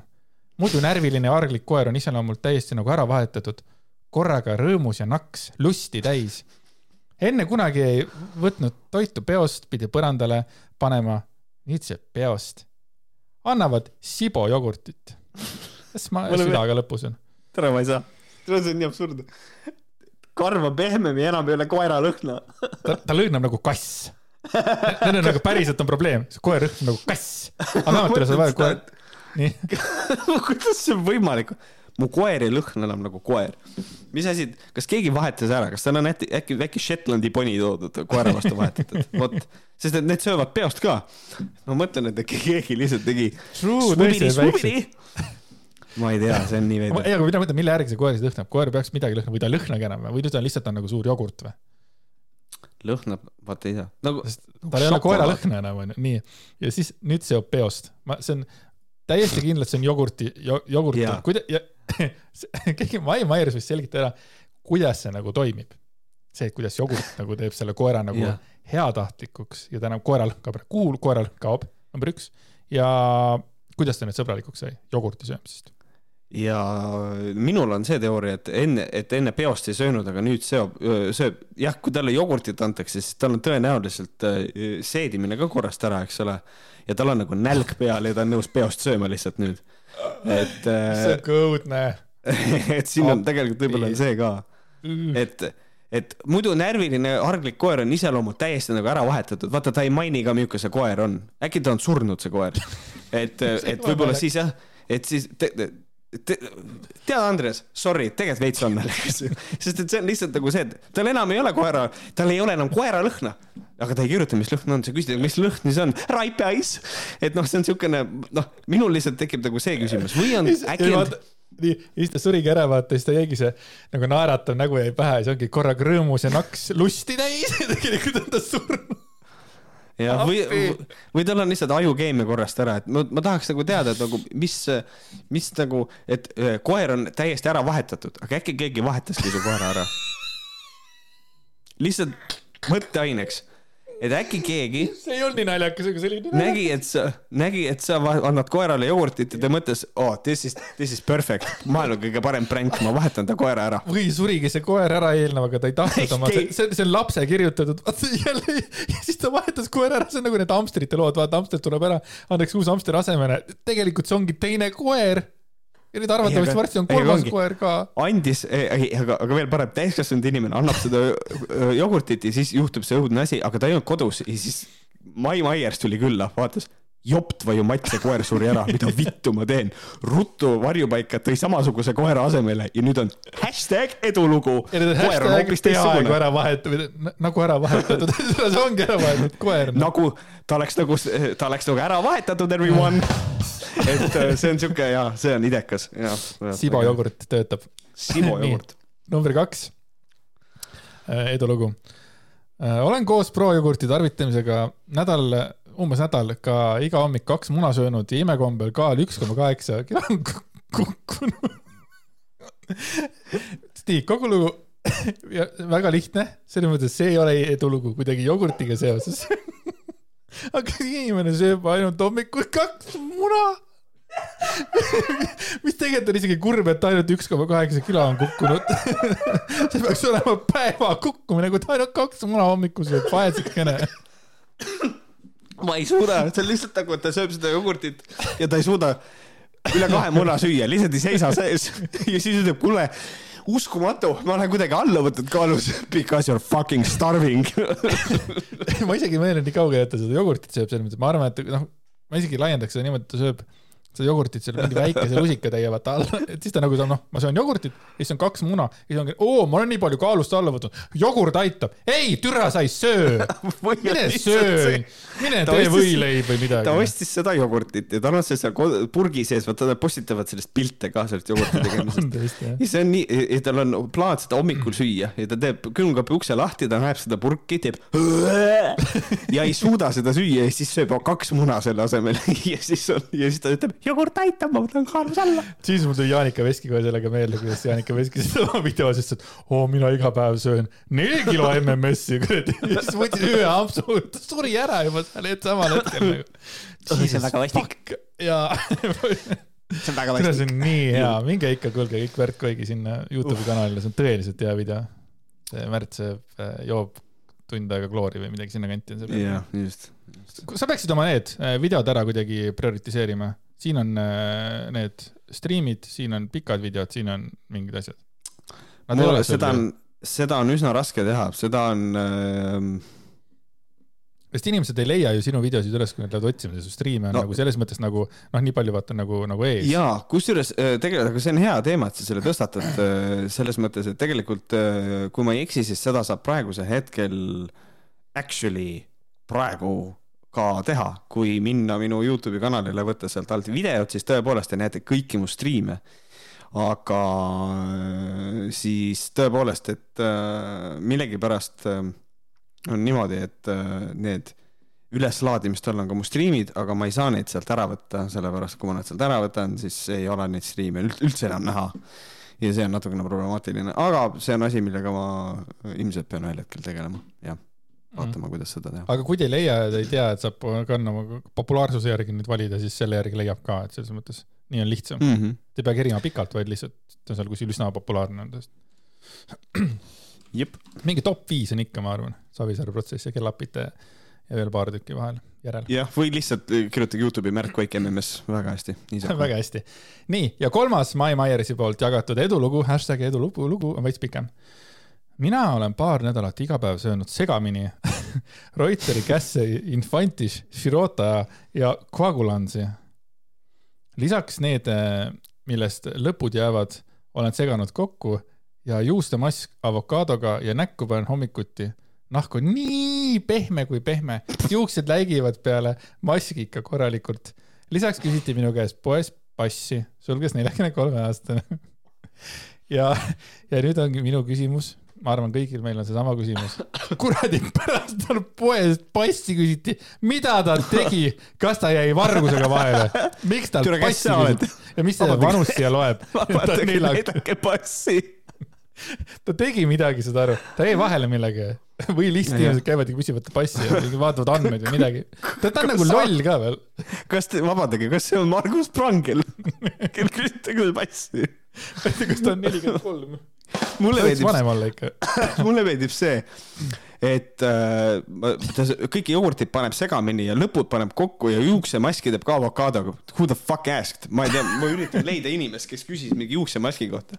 ja siis ta, ja siis ta kirjutab ja siis ta kolma, kolmas asi ütleb, aa ja näkku panen hommikuti, keda? keda sa hommikuti näkku paned? ise näkku What the fuck? uh,. nii, ja no peapoodi peab ka külastama hakkama. absoluutselt peapoodi tuleb külastama hakata, ei ole midagi teha. ei tea, miks ta värk selle passi ja minu arust eh, see on Andrese suurepärane leid, et peajupoodi peaks küll minema, aga nagu, kas ta tahtis pesupoodi kirjutada No miks jaa, pesupoodi? kas sellepärast, et kõht on lahti, et ta neid sööb ja siis peab võtma trutsikuid juurde? ei saa aru. ja põhimõtteliselt, põhimõtteliselt on, aga see on. minu käest küsitakse poes passi ja siis mul on näonahk nii sile, aga sitt lippab kogu aeg. võib-olla sellepärast oligi vaja passi, kui seda poest minu jaoks on probleem selles, et oota, minu jaoks on see probleem, vaata, et kui kunagi Mai Maier ise kirjutamas oma eduloo, kuidas tal on äh, talja on vähenenud, aga tissid on kasvanud, onju. See on jälle see, kus see, kuidas see loogika on, et ühest kohast hakkab kasvama, teisest kahaneb, onju. ja nüüd tal ka vaesekesel nagu ta peab peapoodi minema lausa, onju. miks? Või äkki on vastupidi, äkki ta on nagu just äh, nagu veits nagu geeninud, samamoodi tissid kasvasid ja kõik ülejäänud ka. aga üks tähelepanek veel. üks ööse nagu vanainimese jutt, üks öösse, mulle valutas kõht. üks ööse valutas kõhus ja arvasin, et soolestikus miskit, võtsin papaiat. jälle who the fuck asked. hommikul aga tormasin, kuule nüüd, hommikul aga tormasin eile tööle.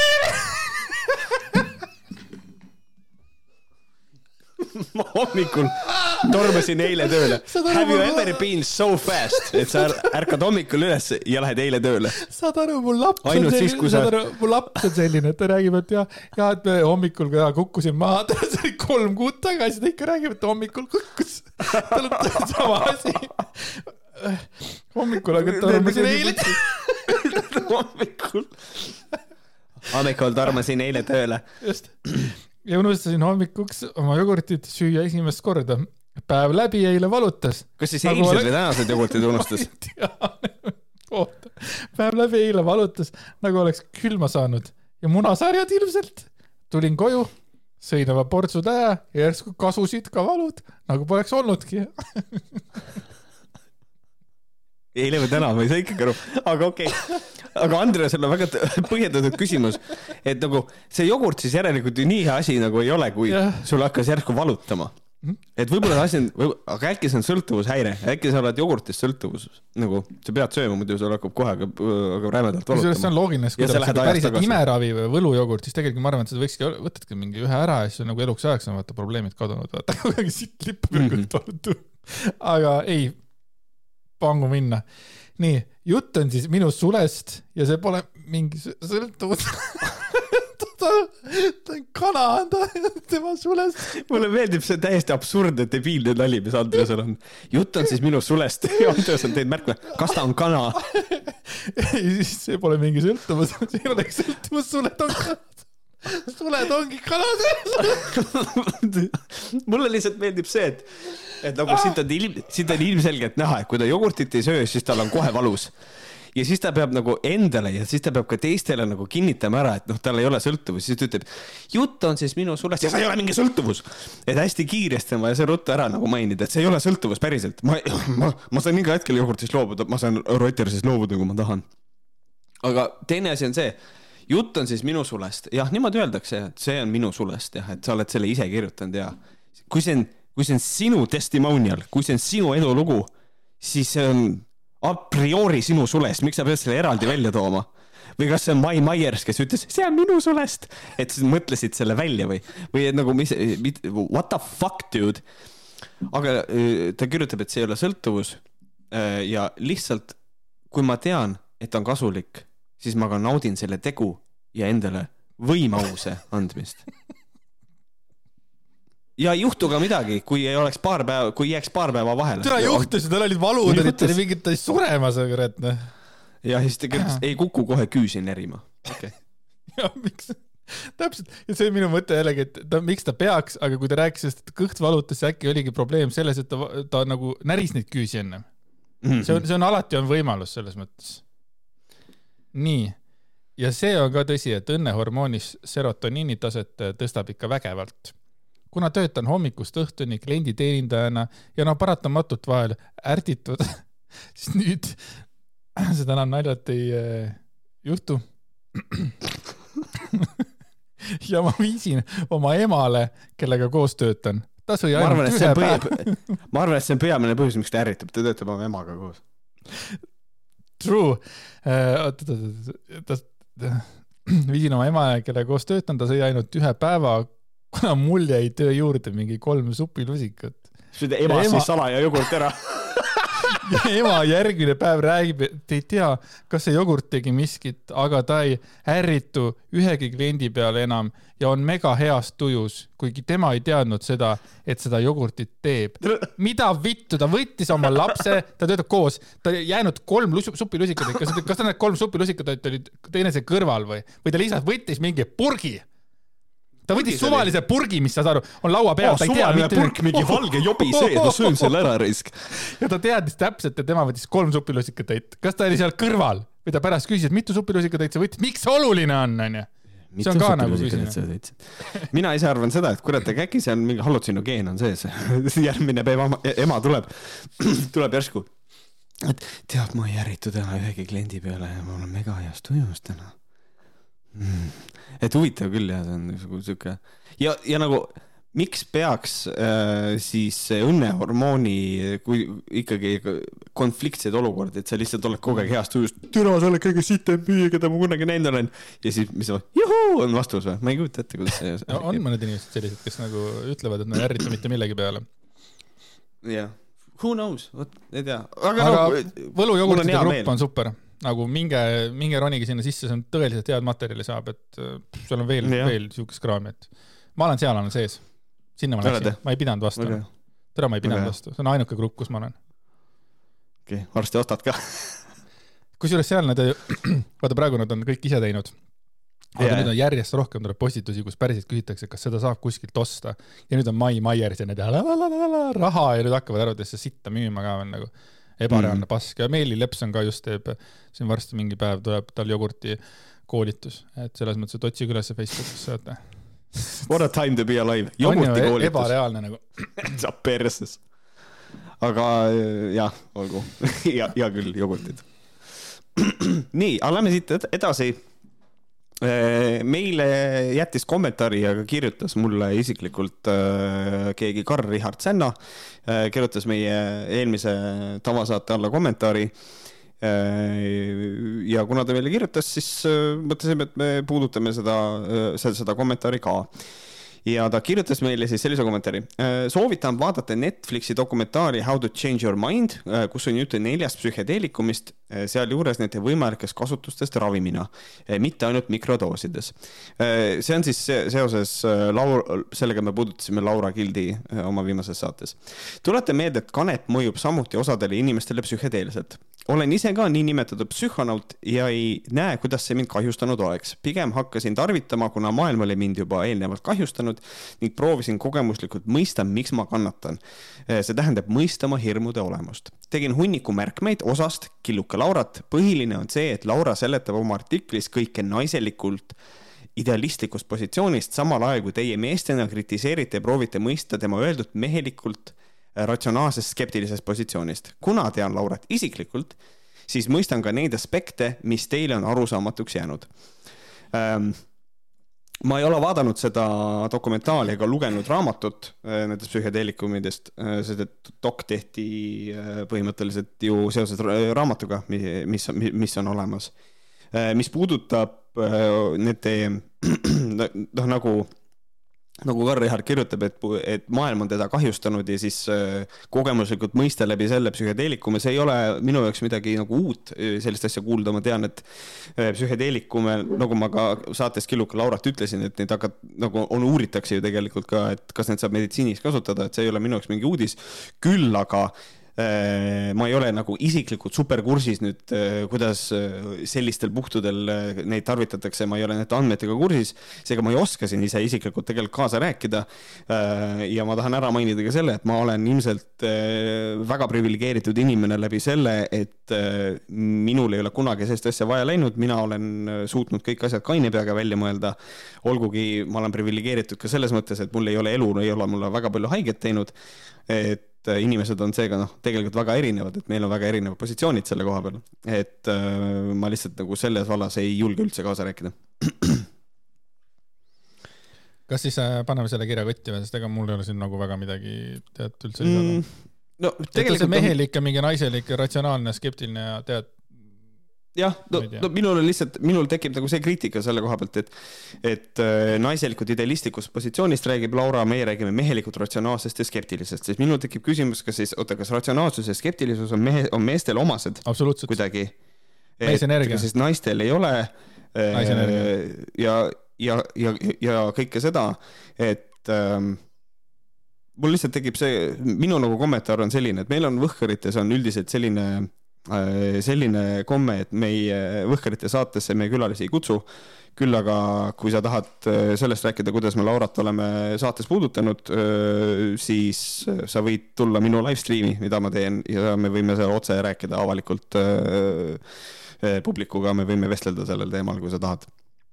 ja no siin lõpus on see, et kuna tean Laurat isiklikult, et siis äh, mõistan neid aspekte ta-ta-ta-ta-ta ja siis see, see võib-olla oli ainuke asi, mis mind nagu veits nagu ärritas, et nagu, et, et kas siis nagu Laura isiklikult äh, tundmine siis on nagu, et ainult siis ma saan asjadest aru, et siis ta peaks ainult oma sõpradele, isiklikult tundvatele inimestele siis ka mingit oma nõu andma, aga ta ju jagab seda nagu laialt paljudele, ta teeb nüüd juba, ta teeb juba nagu koolikusi, kooli, koolikusi, koolitusi teeb koolitusi oma naisenergia asjadest, pluss ta teeb neid iga, iga kuradi ma äh, nagu eraldi seansse, eks ole, sada viiskümmend euri äh, nägu ja nii edasi, et noh, see minu jaoks ei päde, see on sitt, kuna keegi teab Laurat isiklikult, I don't give a fuck, keda ma, keda sa isiklikult tead, ma tean Märti isiklikult, mis me nüüd teeme selle pealehakkamise, kui sulle Märdi äh, sõnavõtud ei, ei meeldi, et midagi ei ole teha.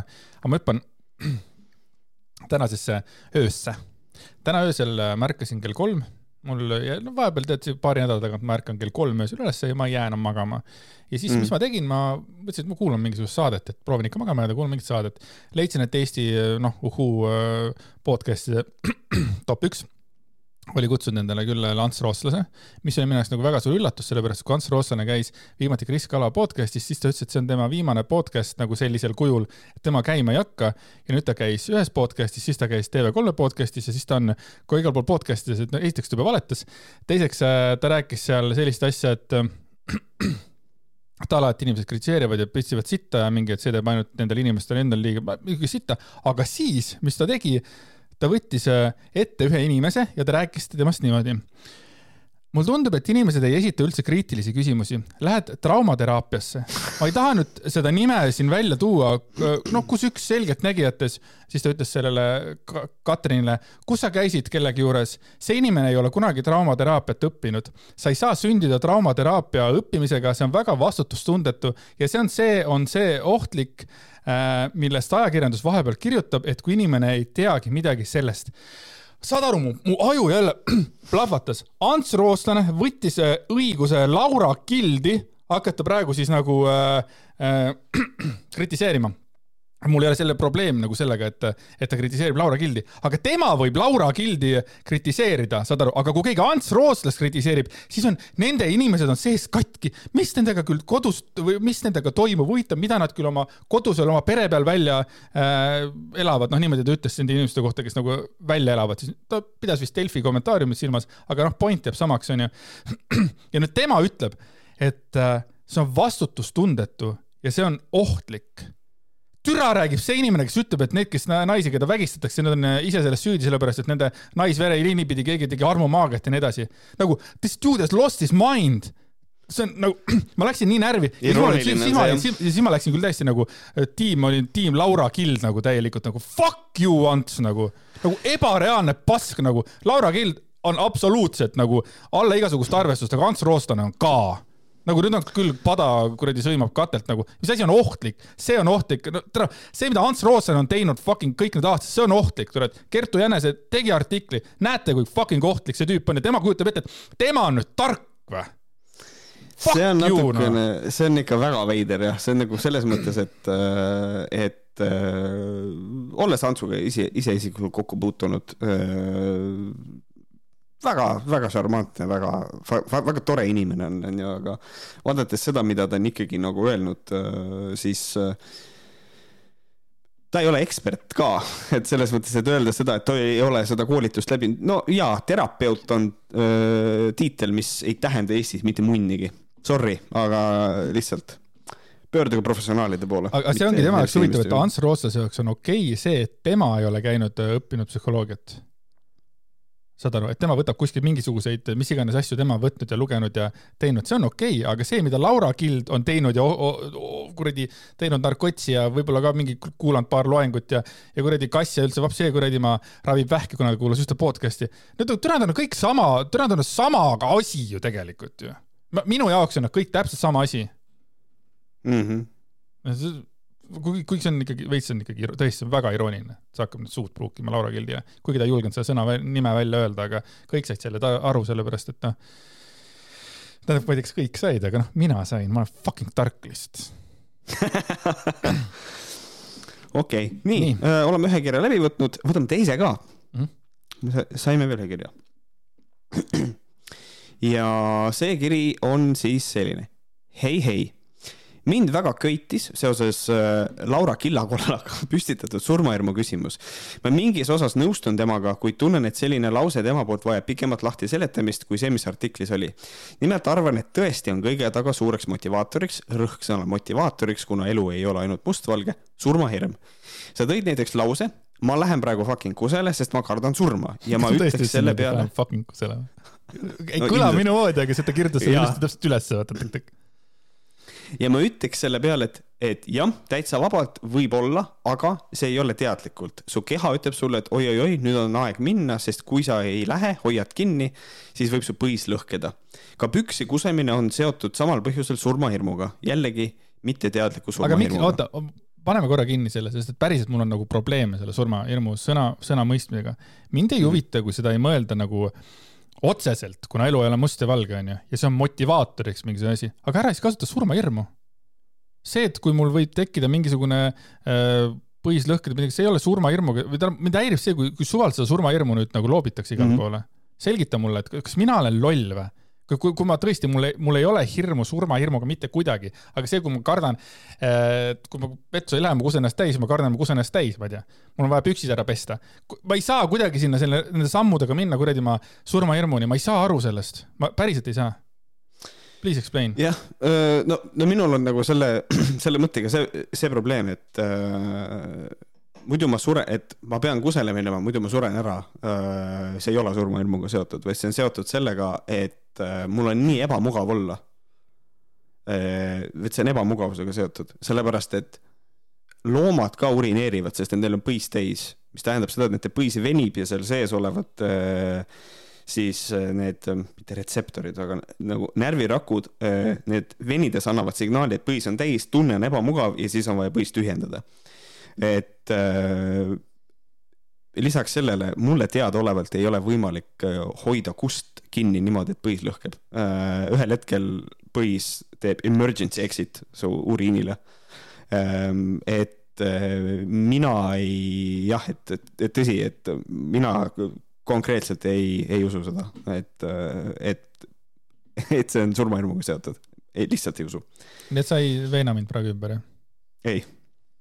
Ei veena sedasama loogikat saab rakendada minu arvates ka muudes valdkondades. edasi eh, spiraalitsedes selle mõtteülesandega jõudsime küsimuse juurde, et huvitav, kui inimene näiteks sõpradega välja läheb, mis on see motivaator just surmahirmu koha pealt. Eh, selle mõttemängu laseks teil teha, sest tahaks teada, mis teie arvate. Easy, inimene läheb, inimene läheb sõpradega välja sellepärast, et ta tahab oma sõpradega aega veeta. et kogeda täisväärtuslikku aega. Easy, palun, korras ma, ma, see on minu jaoks on täielik nagu rubbish, nii et liigume edasi. äh, igatahes ma loodan, et minu rämblimine oli mingit moodi loogiline, enam-vähem arusaadav, mul oli. ja see kõik on lihtsalt mingi suvaline filosoofiline mõttevälgatus, nii et pole vaja väga tõsiselt võtta äh,. või just äkki lõbu pärast hoopis väga tõsiselt võtta. oota, ma enne kui sa võtad viimase selle äh,, mina ei saanud aru sellest rämblimisest. minu arust see ei olnud loogiline ja ei olnud ka arusaadav. aga sa oled väga tore kirjasaatja ja ma ei ole sinu peale pahane, lihtsalt ma sellest, et ma ei, ma ei saa aru, vaata, ma olen, ma olen mees, kes ei saa asjadest aru väga tihti, nii et uh, it's, it's, it's me, not you. Andres, äh, Andres ka just töötles läbi äh, Dmitri teksti, nii et tal on suht tuksis praegu mm.. kujuta, kas ma olen veel karjunud nii, nii palju nii lühikese aja jooksul nagu täna või? ma ei ole kunagi kuulnud enne äh, nii palju ruumi äh, sinu tuba, kui ma täna kuulsin, et see selles mõttes. aga selle kohta Ants ütleks, et äh, no mul on mingid asjad, mis mul on vaja endal ära lahendada ja sama yeah. Kasia ja Kristo oleks ka sinna punti, jaa, tal on vaja ära lahendada need. et jah kui, kui katki on sinu jälgijaskond. tead, mis või Laura Kild käis fucking Tartus onju, tegi Tartus seansse ta ei kirjutanud mulle. ma ütlesin saates, ta ise kutsus, ta kutsus mind seansile, mäletad? ma ütlesin, ma tulen. That's so weak though. et ma ütlesin, ma tulen, onju, ja nüüd ta käis ja ta ei kirjutanud mulle. Fucking nõme on see, ma tean, et ta saab mulle kirjutada, sellepärast et noh, me oleme nagu suhelnud, vaata kas sa te-, aga kas sa muidu äh, teeksid selle power move'i ära ka, et kui sa tead, et ta tuleb, sul on päev vaba, et sa läheks? muidugi läheks, ei, mul, pea, ma ei pea päev vaba olema, ma lihtsalt leian selle, selle tunni kaks, eks ole, et ta lubas veini ka pakkuda, kui ma olen dude, ma olen alkohoolik veits onju et peale seda saadet, mis ma ära teinud, sajas saade ikkagi, ma kindlasti yeah. lähen, võtan jälle endale, kallan veits tšekki ja naudin äh, ühe klaasi tšekki. ja siis te, ja siis te story sid? kurat, ei tee um,. ja kiri jätkub ka veel natukene. Äh, also, kui Märdil on võimalik avaldada, siis sooviks väga teada, milline oli komadistsipliin ning mis äh, ülesandeid tehti, kui Märtil teatrikoolis käis sest äh, tundub, et see vist on nüüd muutunud, ma tean, et see on nüüd muutunud selles mõttes, äh, kui sellel hetkel, kui koma enam seda seal ei olnud, siis need asjad muutusid seal väga palju. aga erialatunni koha pealt oli lihtsalt väga karm, ma ei saa siin pikalt detailidesse minna, sellepärast et see saade läks väga pikaks, aga, aga üldiselt äh, ma ei tea, sa võid jällegi tulla mulle striimi ja minu käest küsida, ma võin striimis ka siukestest asjadest rääkida vabalt igatahes, igatahes olete väga vinged tüübid ning olen teie saateid algusest saadik kuulanud eh, ning ma olen väga excited, kui uus haigushoog tuleb. kahjuks, eh, kuna olen vaene tudeng, siis ei jõua oma, oma Patreoni affordida, aga vähemalt on siin eh, kirjas vihje Patreonile, nii et saate promo teha. True, patreon.com, let's go ja Märten, tee nalja päriselt, et kui te lööte ja. sisse patreon.com, siis te lendate laksti Võhkarite Patreoni, need on www.patreon.com kaldkriips Vohkarid ja siis teine on patreon.com ja te olete samamoodi Võhkarites. ja see on puhtalt tänu Laura Gildile, seepärast et ta ei suutnud välja öelda sõna Patreon ja tegi story, sest ta on see Võhkarid, mingi asi, mingi Patreon, Patreon. loodan, et teil on mõnus nädal, päikest, väike sõber Tartumaalt, aitäh, väga, väga hea kiri, väga hea kiri. aitäh nii, liigume edasi. Äh, palju kõmu tekitanud Margit Adorfi äh,, Adorf, Adorf, Adorf, Margit Adorfi äh, artikkel, ta kutsub, Margit kutsub ennast filmikriitikuks. Is this true? ma võin toimetuse teha. et Postimehes siis see kultuuri. ei, aga see... oota, wait, Margit Adorf. ja ei, ta on filmikriitik, jah, on, on. Holy shit, kui halvasti ta kirjutab, aga no lähme edasi see ilmus Postimehes Äh, ta siis nagu, okei okay,, ma tegelikult loen ja siis seletan ka. kõrvaltvaataja muljena on sellest jäänud väga halb eelarvamus ja kui ma nüüd kolmanda hooaja kolm esimest osa ära vaatasin, siis on see halb eelarvamus vaid kinnitust saanud. nii, millest me räägime? me räägime sellest, et ta äh, pani siis neli reality't järjekorda nagu sitt noh, kõige kehvem, parem, veel parem ja siis kõige parem. kõige paremaks tuli Villa, äh, teisele kohale tuli Armastuse malev, kolmandale tuli Vallaline kaunitar ja neljandale kohale tuli uus Rannamaja hooaeg. ja siis ta hakkaski sellega pihta. et äh, oli halb eelarvamus, vaid kinnitust saanud. minu edetabelis on Rannamaja kõige viimasel pulgal. see on lihtsalt täielik saast. ja mul on kahju nendest inimestest, kes sellesse saatesse osalema on läinud filmikriitiku kohta väga-väga-väga volüümikad äh, nagu sõnad, täielik sast. no aga filmikriitik mingi... ei pea kurat kirjutama sulle kuradi ma leian, et see film on, on kellegi röstitud fekaali olemusega. et noh, kui see on ikka täiesti saast ja ta kasutab lihtsat sõnu, miks mitte? tead äh,, mul on probleeme ma, ma nüüd hüppan korra mujale, mul on probleem inimestega, kes ei ole vaadanud äh, Rannamaja ja tegelikult Margit nüüd on kolm osa vaadanud, nagu jumal temaga, aga üha enam, enam ma kuulen igal pool äh, inimesi, kes ütlevad, et äh, ei no ma ei ole seda Rannamaja näinud, aga ma olen kuulnud, et see on mingi sitt ja see on mingi ainult inimeste mõnitamine. mulle ei meeldi selline suhtumine. Ja, ja saan aru. mulle ei meeldi see suhtumine, et üle esiteks vaata ära see asi, onju. aga teiseks see, ma ei ole vaadanudki, mine perse siis noh, mida sa seletad, kui sa vaadanud ei ole, sa ei tea mitte midagi. või nagu seleta nagu või nagu selles mõttes, see on nüüd kolmas hooaeg on, eks ole, et ütle, et ma ei ole kolmandat hooaega vaadanud, esimesed kaks olid halvad. nagu mm. see on nagu ka arusaadav, aga ära võta seisukohta, sa võid oletada, et see on halb, aga, aga nagu öelda, nagu väita, teha nagu sellist faktiväidet, ma ei tea. ei noh, sina oletad, et see on halb, sellepärast üldse sa ei taha enam vaadata, sul on nagu mm, -hmm. sa ei sita auguni. noh, mitte päris, ma ju refereerin sind üks-ühele, aga äh, point ei saa maksma mm. -hmm. ja tal on mingi, aga Margitil on mingil põhjusel kahju nendest inimestest, kes sellesse saatesse on osalema läinud, see on järgmine asi, mida ma nagu tegelikult veits mind häirib, et nüüd on mingisugune tekkinud, et mingitel inimestel on kahju, mille pärast inimesed Google'i lähevad nüüd. nüüd on äkki tekkinud, kas, mis see mingi võt-, võlts äh,, mingi kaasatundmise mingisugune, ma ei tea, mingi asi on tekkinud või? Mul on nagu see, et võib-olla esimesel hooajal võib-olla sa saaks seda öelda, aga teine ja kolmas hooaeg nagu sa ju juba tead, mis saatega tegu on, kui sa sinna lähed, et nagu selles mõttes ma ei tea ja mis, mis mind veel häirib, on see, et nagu räägitakse sellest, ma olen väga suur nagu selles mõttes nagu praegu kaitse, ma olen nagu täitsa nagu Rannamäe kaitsepositsioonil, puht sellepärast, et kui palju sitta on tegelikult nagu tehtud läbi aastate Eesti nagu telemaastikul, eks ole, alustame kasvõi selles samas, kus need Peeter Oja ja need Peeter Volkonski, need ennast täis jõid, ma ei mäleta, mis oli mingi Jürgensonid või mis see oli mingi Robinsonid. ma saan aru, et need olid armastatud mehed, aga see oli nagu normaalne või? nagu mingi kriti-, kriitikat sealt nagu väga palju tulnud, samamoodi oli mingi täielik noh, mingi sitaaugus nad seal lihtsalt jõid ja ajasid mingit paska suust välja ja tegelikult on neid, neid halbasid seriaale kogu aeg, kakskümmend aastat on tehtud nagu reality't onju, on olnud alati sellist sitta, aga nüüd on see äkki on inimestel kahju nendest, mis nüüd mingisugused rannamaad ja tere, kui nad lähevad sinna kuulsust otsima fakt on see, nad peavad kuulsust otsima. see, kui mingisugune Margit või, või kes iganes, mingisugune vana inimene räägib, et tal on kahju sellest, et nad läksid sinna, onju nende noorte inimeste jaoks ma kujutan ette, väga suur asi on see, et nad saavad seal mingit äh, fame'i Instagramis, nad saavad palju likee, nad saavad palju jälgijaid, nad saavad äh, infludena elama hakata tegelikult äh,. võib-olla isegi lausa, et ei peagi tööl käima, eks ole. et nagu, mis, mis, mis mõttes, mis, miks sul kahju on? Nad teevad endale praegu tulevikku selles mõttes, mõnel läheb läbi, mõnel ei lähe. noh, siit päev mm. -hmm. nii, ja siis nüüd ütleb Margit siinkohal ma ei heida ette seda, et saate osalejad oleksid ise kuidagi ülinõmedad, vaid selle saate puhul on asi mäda alates meeskonnast, kogu saade jätab otsast lõpuni räpase, kasimata ja odava mulje. ma olen nõus, ma olen nõus, et äh, see jätab äh, äh, nagu sellise nagu odava mulje, onju, aga ma ei tea, räpane ja kasimatu, mis see täpsemalt tähendab et ma, ma kuidagi, ma nägin seda räpast ja kasimatust nagu poissmeeste tüdrukute õhtu peal palju rohkem kui Rannamäe peal.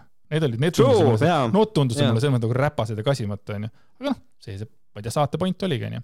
aga huvitav on see, et ta ütleb, et äh, need, et noh, et saates osalejad olid ülinõmedad, aga kuulake nüüd. Rannamäel puhul torkab silma see, et kõik on kuidagi plass. saatesse on nopitud kolm kehvakest tüdrukut, kellest kahel äh, on silmatorkavalt halb näonahk ja kolmanda trulla rinnal ilutseb täielik õudne tätokas, võta üks ja viska teist. Ma nagu, võtan tagasi oma sõnad, see on väga sitasti kirjutatud tõepoolest. täiesti, see, mis tal juhtus? mis juhtus nagu filmikriitikul, kas ta tõmbas jälle veits liiga palju nagu õhtul jooki ja, ja postitas ära nagu see Ivan Makarov enda selle uute uudiste äh, õudsa plassi asja või? mis asi see on? ta, ta ründab praegu naisi, oma suguõdesid lihtsalt onju. ta ütleb, et on nagu kehvakesed tüdrukud, siis kritiseerib nende näonahka nagu, nagu inimese välimust hakata kritiseerima. silma torkavad halb näonahk. ja, ja siis veel, ja siis veel fat shame ida, isegi inimest, kes ei ole tegelikult fat see on huvitav, on nagu, pluss nagu täiesti subjektiivne hinnang mingisugusele tatokale nagu. absoluutselt nagu,. et noh, silmatorkavalt hälb, hälb, halb näonahk, mul tekib lihtsalt küsimus, why even mention it at this point, sest et üldiselt inimeste näonahka kõik nagu panevad tähele. aga miks on vaja seda eriti nagu välja tuua ja, ja kui sa ütled, et võta üks ja viska teist, olles kirjutanud, et sa ei heida ette, et saates osalejad oleks ülinõmedad millises teises kontekstis öeldakse, et võta üks ja viska teist? ma, ma, ma ei tea. lihtsalt, aga isegi kui nagu see, ütleme, teeme näo, et see on tõsi, onju, ta ongi tõsi, tüdrukud on kehvakesed ja kõik on koledad ja paksud, onju. et noh, ikkagi nagu, see on nagu mingi empaatia puudumine, et, et kõik ei ole nii ilusad ja jumala poolt õnnistatud nagu Margit, eks ole, et, et et äh, kas see on siis nagu, kas see on nagu okei okay tegelikult, see ei ole okei okay.. saad aru, võhkarid teevad igasuguseid asju, aga võhkarid ei, võhkarid ei ründa inimest äh, nende välimuse põhjal. ma olen seda ükskord teinud, sain aru, et ei olnud ilus ja rohkem ei tee. mm. ja, ja siis nagu filmikriitik, kes nagu siis äh, Postimehesse kirjutab, teeb lihtsalt sellist asja või? Fuck you tegelikult ka äh,. nii. seejuures jättis Trulla Cassandra läbi kolme saate kõige sümpaatsema mulje. kaks korda öelda trull on why though. no ikka on vaja ikka öelda, et noh, tead ikka, no paks on, vaata. aga muide, ta ei ole paks, et noh no võiks ikka selle saate juures olla tööl mingisugune stiilipolitseinik, sest tüdrukud näevad saatest saatesse välja nagu odavad litsid. Tonn Jesus odavat meiki näos, meetripikad kunstripsmed ja seljas ilbud nagu kilomaksi allahinnatud asjade korvist. Stiilipolitseinik, saad aru, ta tahab, et oleks stiilipolitseinik, et võtame siis ära, inimesed on sellised, nagu nad on, tulevad sinna, nagu nad tulevad, rääkimata sellest, et soe suvi oli ja enamasti nad jooksevad ringi seal äh, rinnahoidjate stiilis riietega või siis vahepeal on mingisugune, ma ei tea, trikoolaadne asi, no whatever. siin on nagu, okei okay,, ma võtan korra nüanssi sisse, et kuna tegu on teleproduga, siis on variant, et teleprodu leidis neile riided, et nagu mingi riietus on. aga see on reality, nad peaks ikkagi enda riietega tulema, nii et see tekitab minus väga palju küsimusi. ja noh, Huh. räägime sellest, et sa ütled nagu noorte naiste kohta näevad välja nagu odavad litsid või? tule, kes oled sina, Margit, et niimoodi üldse öelda kellelegi? ma, ma ei saa aru lihtsalt sellest nagu, mis, mis juhtus nagu inimesega nagu, siukest sitta kirjutada, Postimehe kultuur või? the fuck? Fuck you, ma olen nii närvis selle peale. kuidas sa, ma iga kord unustan ära, kuidas sa nimetad seda, kui naised äh, ründavad naisi? internaliseerunud misogüünia. just, see internet, internaliseerunud. internatsionaalne. nii fucking rõve lihtsalt, see on, ma, ma, ma ei tea, vastik, vastik, vastik, vastik, nagu siin kuskil kirjas oli. Nii odavat meiki näos, noh, see selleks. see saade on tõeline kolmanda Eesti meelelahutus ja klatšimoorid õnnistus. nii, nüüd ta siis nagu äh, pani siis paika kõik inimesed, kes vaatavad Rannamaja, onju. et kolmanda Eesti meelelahutus, mis asi on kolmas Eesti siis? mis see tema jaoks on kolmas Eesti? ma sain aru, et kolmas Eesti võiks olla siis selline nagu mingisugune allakäigus olnud inimesed või mis see kolmas Eesti on või? Ma ei tea, ma ei. ta paneb patta kõik inimesed, kes vaatavad Rannamaja, Rannamaja vaatavad igasugused inimesed, kes vaatab seda irooniliselt, kes vaatab seda päriselt, kellele päriselt meeldivad ja on terve hunnik inimesi ka arvatavasti, kelle jaoks need tüdrukud võivad ka olla mu endine klassiõde läks sinna, ma vaatan, noh, kasvõi noh. ei no aga, ja siis on terve hunnik võib-olla noori, noori, kelle jaoks need ongi eeskujud. ja siis sa lihtsalt nagu ründad nagu kõiki seal, nagu kõik saavad lihtsalt selle, selle moori käest praegu. veel on Rannamaja juures väga hea kõrvalprodukt Merilin Möldri Rannamaja osade ümberjutustused ajakirjas Kroonika. Saad aru või? ta jõudis sinna nagu, aga saad aru, selles mõttes, et Merilin Mölder on teinud äh, mitu artiklit, mis on, üks on kohutavam kui teine, onju. ja peale seda, kui nagu ta kirjutas Merilin Mölder ükskord sinna nagu tüdrukut kellegi kohta kirjutas lehtsaba, siis mul oli niimoodi fuck you nagu tegelikult ka. aga, aga nüüd ongi nii, et et äh, see on siis nagu, ta leidis endale siis nagu need selle kaasa, nüüd nad saavad koos peksta noori naisi. nagu yeah. tehke koos seda, nii, nii äge, mõtle saab, tere panna neile ära, sest nad on ikka lehtsabad ja trullakad ja, ja, ja koledate näonahkadega. tooge veel asju. näiteks soovitan lugeda tema artiklit pealkirjaga Miks Rannamaja peaks EFTA võitma ehk kuidas kolm purjust tibi tegid kuultiile selgeks, et ta on vana. lugesin ja naersin nagu hüään. Ma usun seda täielikult. ja siis I äh, bet you did. ja siis tal oli veel armastuse maleva kohta, seal rääkis midagi ja natukene rääkis ka selle kuradi villa kohta, mida ta kiitis. ja siis äh, väike vi- virin tuli ka vallalise kaunitari kohta, et meeste valik selles saates on minu meelest närb ja kui ma peaks edetabelit koostama mitte saate vaatamisväärsuse ja kvaliteedi, vaid osalejate põhjal, siis selles suhtes langeb vallaline kaunitar viimasele kohale. ja türa nüüd võtame vennad ka ette nagu lihtsalt, tal, tal, see on mingisugune jälle nagu välimus ja kõik asjad lähevad kokku ta lihtsalt ründab inimesi. nagu ühte, ühtegi mingisugust nagu pointi ei ole, mida nad ütlesid või, või kuidas nad selle nagu äh, asja, mida, millega nad hakkama saanud, ta ründab lihtsalt inimesi, sellepärast et talle ei meeldi. ma, ma hakkan ennast kordama lihtsalt nagu. kas vallalise kaunitari puhul mitte ei ole oluline see, et äh, mida arvab äh, Margit Adorf nendest meestest, kes sinna on valitud, aga Brigitte Susanne Vint? No see ka ja tegelikult jällegi mina täiesti, ma ei tea, kumb olen subjektiivne, objektiivne, aga What minu arust the on, minu, arust on väga, väga tore seltskond seal äh, nagu Valalis kaunitaris ka onju. et minu arust, ma ei tea, kui talle need mehed ka ei meeldi, no türa, ma tahaks näha tema seda printsi valgel hobusel, päriselt ka, peale selle, et Margit on kohutavalt kaunis äh, naine, siis ma tahaks näha tema nagu seda printsi hobusel ka, kas ta on nagu tõeline, ta on nagu, nad on nagu Megan ja ma ei tea, kes on William või ma ei, ma ei, ma ei tea Mega, Megan ja William. vastik, ma ütlen ükskord, vastik, vastik. vastik artikkel. meie oleme fucking kõelad sinuga, I know, oleme, mõnikord oleme tõesti, lähme üle piiri, onju. aga türa sa ei saa Postimehes siukest sitta kirjutada. see on ikka päris kehv ja see on niimoodi, et äh, ma, ma ei ole lugenud seda artiklit ja, ja see on ikka ja, ja, ja, ja see on inetu jah, ma olen täiesti nõus, see on ikka väga kole. Trulla ja what the fuck, mis sul viga on nagu? Also they are not fat ma ei tea, davai, aitäh, aitäh, Margit, väga, väga põneva artikli kirjutasid meile, tõepoolest, inetu. aga lähme alkeemiasse ka. see on, see on kraam, see on kraam raisk. esoteerika ja metafüüsika, Mai Agate välja taga, inimese ülesanded maal. Äh, suht äh, insane shit on see, aga ühesõnaga let's go. Tekst on selline, lühidalt kokku võttes on inimestel siin maailmas neli ülesannet. esiteks, õppida meelde tuletama, kust sa pärit oled.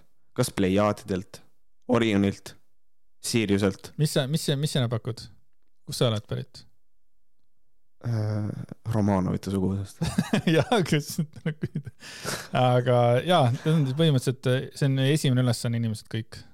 et kõigepealt tuletame meelde. me peame õppima meelde tuletama. huvitav, kust ma tean neid asju? päikesesüsteeme on mustmiljon. no ei ole me puu otsast alla tulnud. me ei ole puu otsa roninudki. Mare ei ole vist puu otsa roninud, mina olen küll roninud puu otsa. ma isegi üsna hiljuti ronisin. kuna sa ronisid viimati puu otsa? Äh, ma ei, ma ei mäleta. kas sina, saad aru, mina kujutan ette, et sina elad seal, kus sa elad ja sul on seal ümber puud. miks sa ei roni puu otsa? Miks ma peaks, ma olen kolmkümmend kaks aastat vana, ma tunnen, et mu ronimised on ronitud. Ouch, davai. ma arvan, et üks hetk sul tuleb ikkagi hakata ronima, seepärast et sinul üks väikene sõber seal kodus kasvab ja, ja ja ei, seda küll jah, tegelikult ilmselt, jah. ja, ja. meid on loonud kõrgemad tsivilisatsioonid ja see info on alateadvuses ehk Akashi kroonikas ehk arhiivis kõik olemas. Akashi kroonika on kuskil siis nagu meie sees, saan ma aru, eks ole? Massive book. davai, teine ülesanne on arendada oma aju. sa lood siin elus aju energeetilise võrgustiku ja kui uuesti sünnid, kasvatad selle võrgustiku sisse võimekama aju. davai, ei olegi väga hull tegelikult. aga läheb paremaks. kolm, kolmas ülesanne on õppida tundma oma tundeid, mis on meie loomejõud. kuida-, kuidas ma saan õppida tundma tundeid, ma pean olema enne võimeline tundma, et tundma tundeid. veider. minagi äkki tegelen mõistma sellega. siis, võib-olla parem sõna oleks, äkki mõistma. Võib-olla. kuidas tunnete ja emotsioonidega hakkama saada, kuidas neid muuta, luua, kustutada ja nii edasi. vot kustutamine oli minu jaoks oli küll holy shit, ma ei teadnud, et tundeid saab kustutada. et sa, et et oled vihane, siis paned delete. jah, ma, ma kujutan ette, et tunded võivad nagu, nagu jaheneda aja jooksul, aga kuidas sa nagu kustutad nad nagu? aga noh, selles mõttes tema ongi töö, selles mõttes Mare Agate välja taga, tema töö ongi nagu seda sitta nagu teile selgitada ja siis raha võtta yeah. suure tõenäosusega selle eest, siis te saate neid kustutada ja vaadata, kas te olete Plejaanidelt või käite Siriuses purksis. just. keegi naine rääkis mulle sellise loo. ma ütleks siis võõras või ma ei tea, kuidas, aga ta istus oma viieaastase lapsega söögilauas ja järsku ütles laps, täna kaks aastat tagasi edasi on isamatused. Naine muidugi ehmatas õudselt ära ja küsis minult, mida ta peab nüüd tegema. ma ütlesin, et nüüd peab ta hakkama tähele panema oma hirmu tuleviku ja mehe surma suhtes, aga mehel ei tohi sellest rääkida, sest kui inimene teab oma surmakuupäeva, siis ta võib lüüa käega ja jätab tegemata asjad, mida muidu oleks kogemuse saamiseks teinud. see ongi põhjus, miks inimene ei pea oma surmakuupäeva teadma. muud ma ei osanud talle öelda, kui et pangu tähele oma tundeid, mida see teadmine tekitab ja tegelegu nende tunnetega. kui tunned hirmu, siis ütle, mina kogen praegu hirmutunnet mehe surmakuupäeva pärast. energiate muutmisega võib õnnetuse isegi ära hoida. ja see on kogu story, mis edasi sai Nobody knows. jah, suure tõenäosusega see mees ei ole surnud, sellepärast et lapsed räägivad kahe peal gibberishi, et me paneme võib-olla liiga suuri nagu, nagu tähendusi mõnikord laste jutule ähm,. aga nagu kui ta ei rääkinud gibberishi, siis ta võiks mulle selgitada ära, kuidas laps teab äh, seda, mis ei ole veel juhtunud. Mare. see, ma saan aru yeah., et plejaanidelt käivad mingid asjad ja see, aga, aga, aga türa, kuidas mm. see Mm. käib jälle, ma tulen jälle sinna, kuidas ta teab ja kuidas see väike Damien üldse teab, et kaks aastat edasi on isa matused. mm,. vaata, see on nagu see, et vaata, noh, ongi, sul on väga hea märkus, et nagu kui lapsed ütlevad igasuguseid asju Mhm. äh,, et äh, ja selle peale on kõudusünnitega üles ehitatud, sellepärast et sul võib laps rahulikult joonistada ja järsku öelda, meil on siin toas tegelikult kaks nähtamatut meest veel. noh, ja see on lihtsalt, see on lapse fantaasia. et see ei tähenda, et need asjad nagu päriselt niimoodi lähevad, et see ei pea nagu niimoodi olema, et kui äh, võib-olla laps nägi kuskil matuseid ja siis ütleb, et järgmine aasta on, on isa matused, siis see ei ole nagu see see, see ei ole nagu see, vaid ta lihtsalt ütles seda, sest et ja saad aru, ja siis naine istub seal, ema.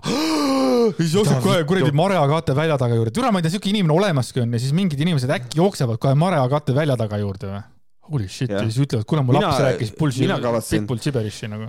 mina kavatsen ka seda te- niimoodi teha, kui minu Ants ütleb midagi väga veidrat, siis ma võtan Google'i lahti, guugeldan siis, et dumbest bitch alive ja siis vaatan, kellele kurta oma probleeme um,. neljas ülesanne on õppida tingimusteta armastust, see tähendab oskust vaadelda kõiki inimesi erapooletult, see ei tähenda, tingimusteta armastus ei tähenda seda, et sa vaatad kõiki inimesi erapooletult. tema jaoks tähendab. kui sa vaatad kõiki inimesi armastus. erapooletult, siis sa suudad äh, armastada kõiki tingimusteta.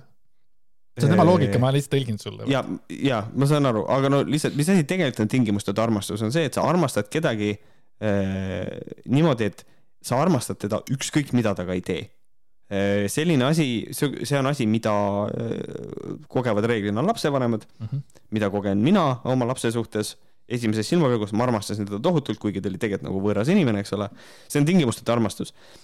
kõiki inimesi erapooletult öö, vaatlemine, sellel on oma nimi.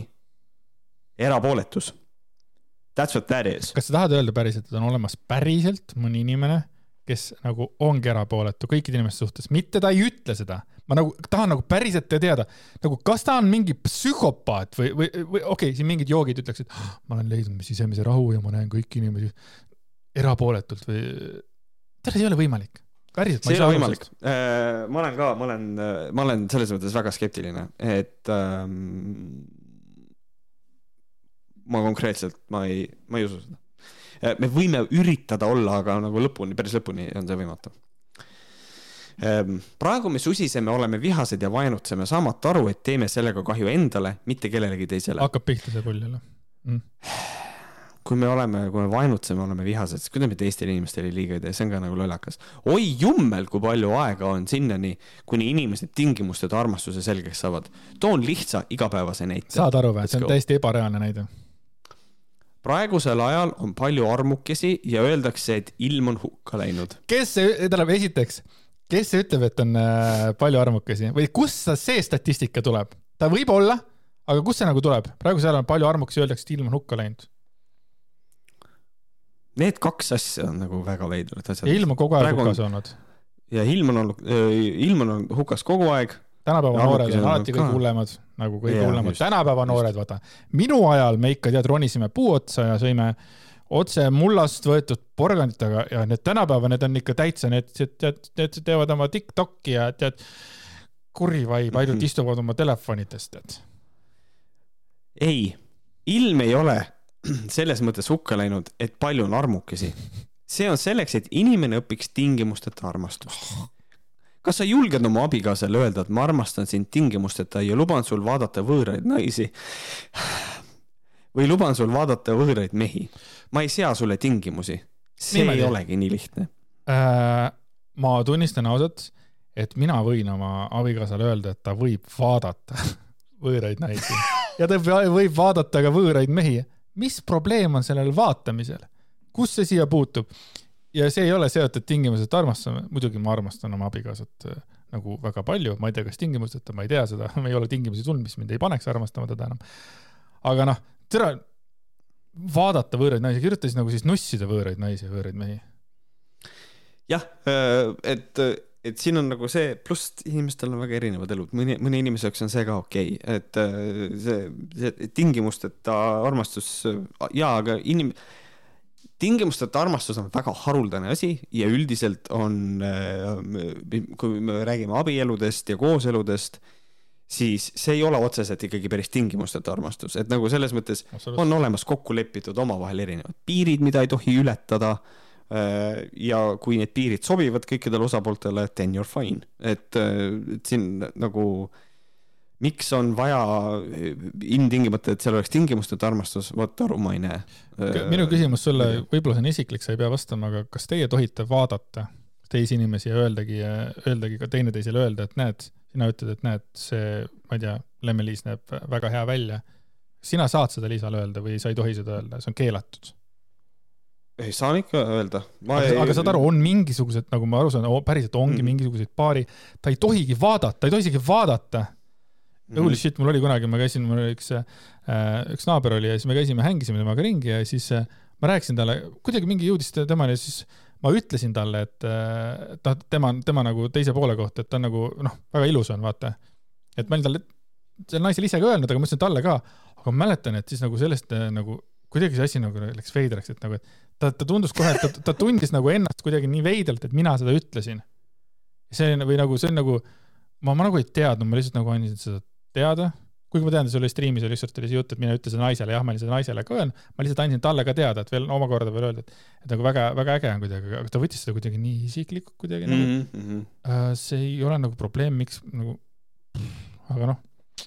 ja, jah, see on, see, see, see on huvitav jah mina võtan küll väga suure komplimendina, kui keegi seda isegi minule, minule ütleks, et äh, minu abikaasa näeb väga hea välja või mida iganes, noh, loomulikult öelgu talle, aga kui ta mulle ütleb, see on väga okei okay, no mul on lihtsalt tekib nagu küsimus nagu see, et kui, et kui ei tohi nagu öelda, et näiteks, et, et on, et on suhe ja üks pool ei tohi öelda, et, et mingi see inimene seal näeb väga-väga kena välja siis minul lihtsalt tekib koheselt nagu see küsimus, et kui seda öelda ei tohi, kas sa siis helistad pigem seda, et ta vaatab salaja neid inimesi ja ei ütle sulle või? sest et ta mõtleb ju neid asju ikkagi. lõpetame mõtte ära, mul tuli uus mõte veel peale. Aktus ja Montailo. nii, räägi, sorry. okei. Äh, äh, et, et, et nagu üldiselt, ma ei tea, minul on küll see, kui ma, mulle ei, absoluutselt ei meeldi Reeturi teine hooaeg Äh, aga mul on väga raske mitte kommenteerida Tiina Tauraitet. What a fucking woman nagu ja see on okei okay. ja, ja siis me käisime vaata, mingi film oli, ma ei mäleta, mida Liisa tuli välja, ütles, issand, see näit-, see näitleja on lihtsalt nii seksikas.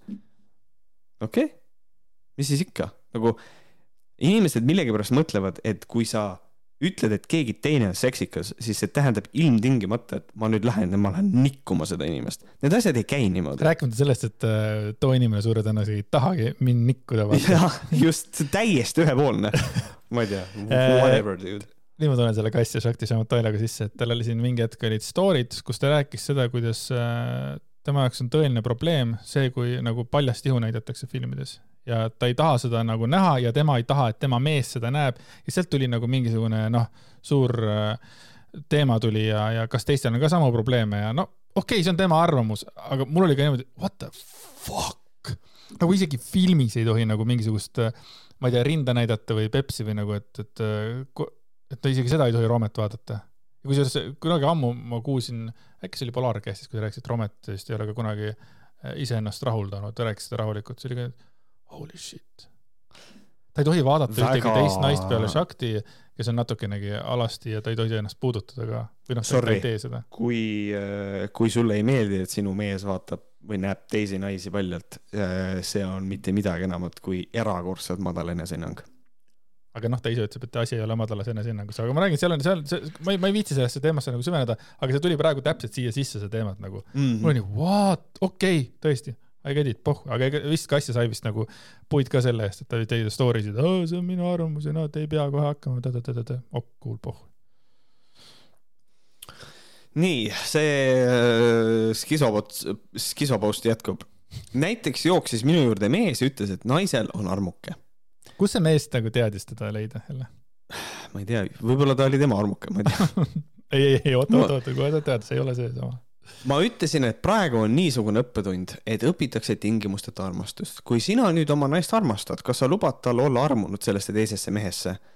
kuradi raske on, vastas ta. ütlesin, et tee see armukadeduse, et tee see armukadeduse tunne ringi ja luba naisel käituda selle armukesega nii, nagu tema käitub. ja ta oli lubanud siis naisel olla armukesega. ma, ma ei mäleta enam, kaua naine armukesega oli, aga tuli siis koju tagasi ja ütles, et armastab ikka oma meest. Läks aega mööda ja jooksis see naine minu juurde. mu mehel on armuke. no näed, nüüd on sinu kord armukadeduse tunne ringi teha. andsin naisele sama nõu ja läks seegi kord nii, et mees tuli tagasi ütles, et armastab ikka oma naist. võib-olla see oli lihtsalt, mees tegi tagasi, noh. Ei, nagu, aga mõtle selle. peale, et see ongi niimoodi, et kõigepealt jookseb mees mai juurde, ütleb, mu naine petab mind talle armuke. Ütleb, nüüd rahune maha, las kepib teise, kõik on hästi, chill, see on sinu ülesanne. ja siis hakkab ise keppima kellegi ja siis kuidagi naine teab joosta Maia kate juurde. ja, What the fuck, see on made up story. see ei ole On, on, nagu, see ei ole On. normaalne nagu ja, ja no, selles mõttes see, kuidas inimesed seal, kui nad tahavad teisega keppida, minu pärast laske, aga, see, saad aru, see on mm. Mhm. kuradi raske on, ütleb mees. ütles ta jee nii.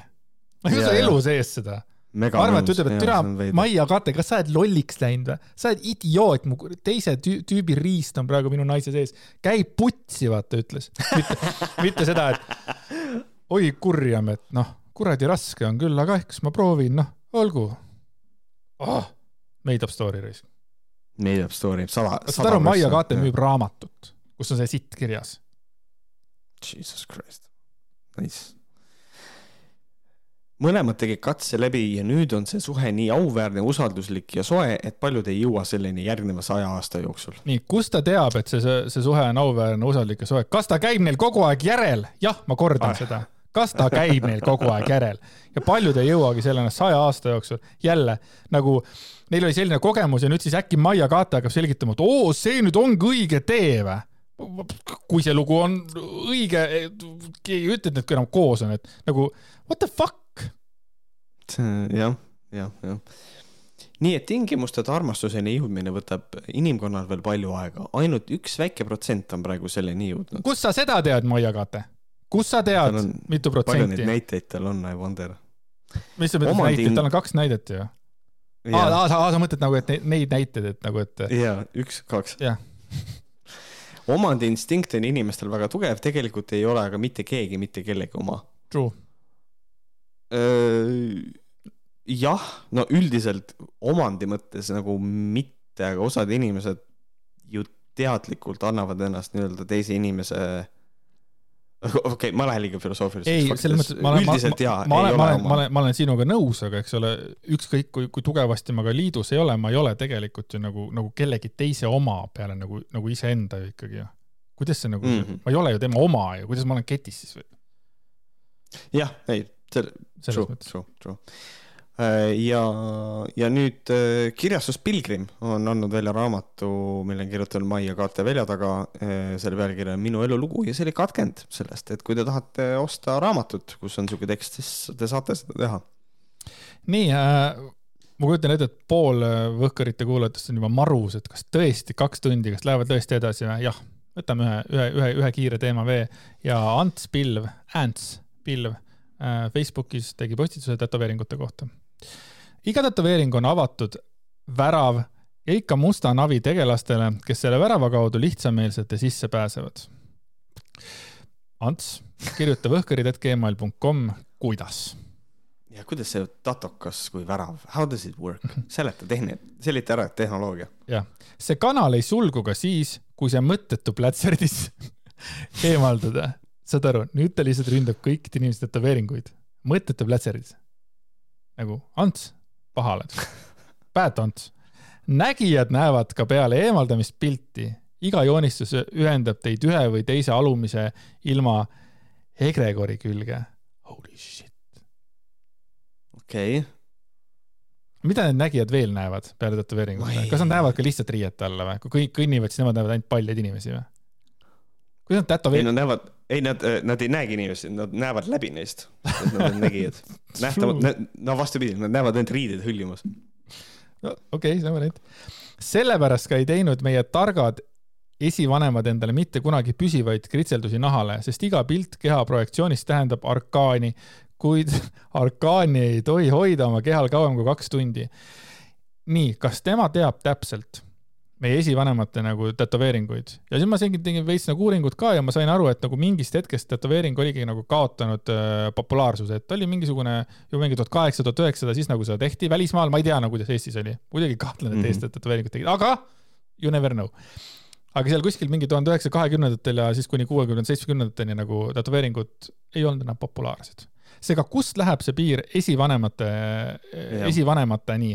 minu esivanem näiteks on no ütleme, mis mu isa võib olla kuuskümmend viis, noh, tal ei ole küll tätoveeringut, onju, aga te, tema mingistel võib-olla klassivendadel juba on näiteks mingisugused, mingid, et nagu vanad olid mingisugused siin koledad sinised -hmm. tätoveeringud, onju. et nagu minu esivanemad juba ikkagi nagu tegid, et nüüd ta räägib nagu enda esivanematest siis või? või mis, kuhu see esivanem nagu välja läheb, eks ole, ja kust ta teab seda kõike mida aga musta navi tegelased korraldama hakkavad uue peremehena lihtsameelse kehas, on juba nende, nende, nende enda otsustada. Äh, ütlen vaid nii palju, et iga joonistus muudab nii nunnu pildi omaniku saatust. esiteks, kuidas, on ju, ja teiseks mm, -hmm. musta navi tegelasi ei ole olemas. ja keegi ja. võiks Antsule seda öelda. ütle pärast Antsule, viitsid? keegi läheb Antsu juurde. Dude, ma mõtlesin need välja, mida vittu sa kirjutad Facebookis absoluutselt, see on niisugune Andero Pebre jutt, noh kui te arvate, et paremas suunas, siis olete eksituse teel, nagu ka kõik teised, kellel pole huvi veedade ja oma traditsiooniliste kultuuri, kultuuri vastu ja kes ahvivad järele kõik lollused, mida neile salakavalad ja pahtahtlikud teemonid ja hallid ette söödavad, sööta viitsivad. jah, hea küll, las see, las see olla. igatahes ta jätkas järgmine päev veel sama asja, aga las ta jääb sinna. Et igatahes kõik, kellel on tattoo'd siis teadke, et teie sees on musta navi tegelased ja kui te Totood eemaldate, siis ikkagi on olemas need väravad, kuskohast nad sisse saavad. mis siis tähendab, et vist ei ole esialgu Totokat vajagi, aga, aga okei okay. sa oled ainukene inimene, keda ma tean, kellel on külmad L-id ja külmad, külmad R-id ja sellised asjad. sina, Märt. mis mõttes külmad L-id? rets, see on rets mm. -hmm. ja sellised asjad nagu, üks päev ma hakkasin seda tähelepanu nagu holy shit, tal on nagu need tähed, mis minul on pehmed, temal on tugevad mm.. ja neid oli veel, mul praegu, siin just, just, just, just ütlesin midagi ja sellest mul tuli see meelde. et äh, väga huvitav äh,. Märt Koik, Koik äh,, keelepruuk on väga huvitav äh, õppimisasi kellelegi kunagi tulevikuks, navidele või kellelegi kui nad, aga mul küll tatokaid ei ole, aga mul ongi mustad navid sees ja nad mõjutavad, kuidas ma räägin apparently. aga mina just käisin tegemas tätoveeringut laupäeval äh, endal suuremaks, nii et mul on nüüd äh, veel rohkem tätoveeringuid. aga no. need praegu siin peidus, näeb kunagi hiljem mm -hmm.. okei okay., siis minul äh, tätoveeringuid ei ole ja ilmselt ka ei tule. minul on, ma ei tea, kuidagi.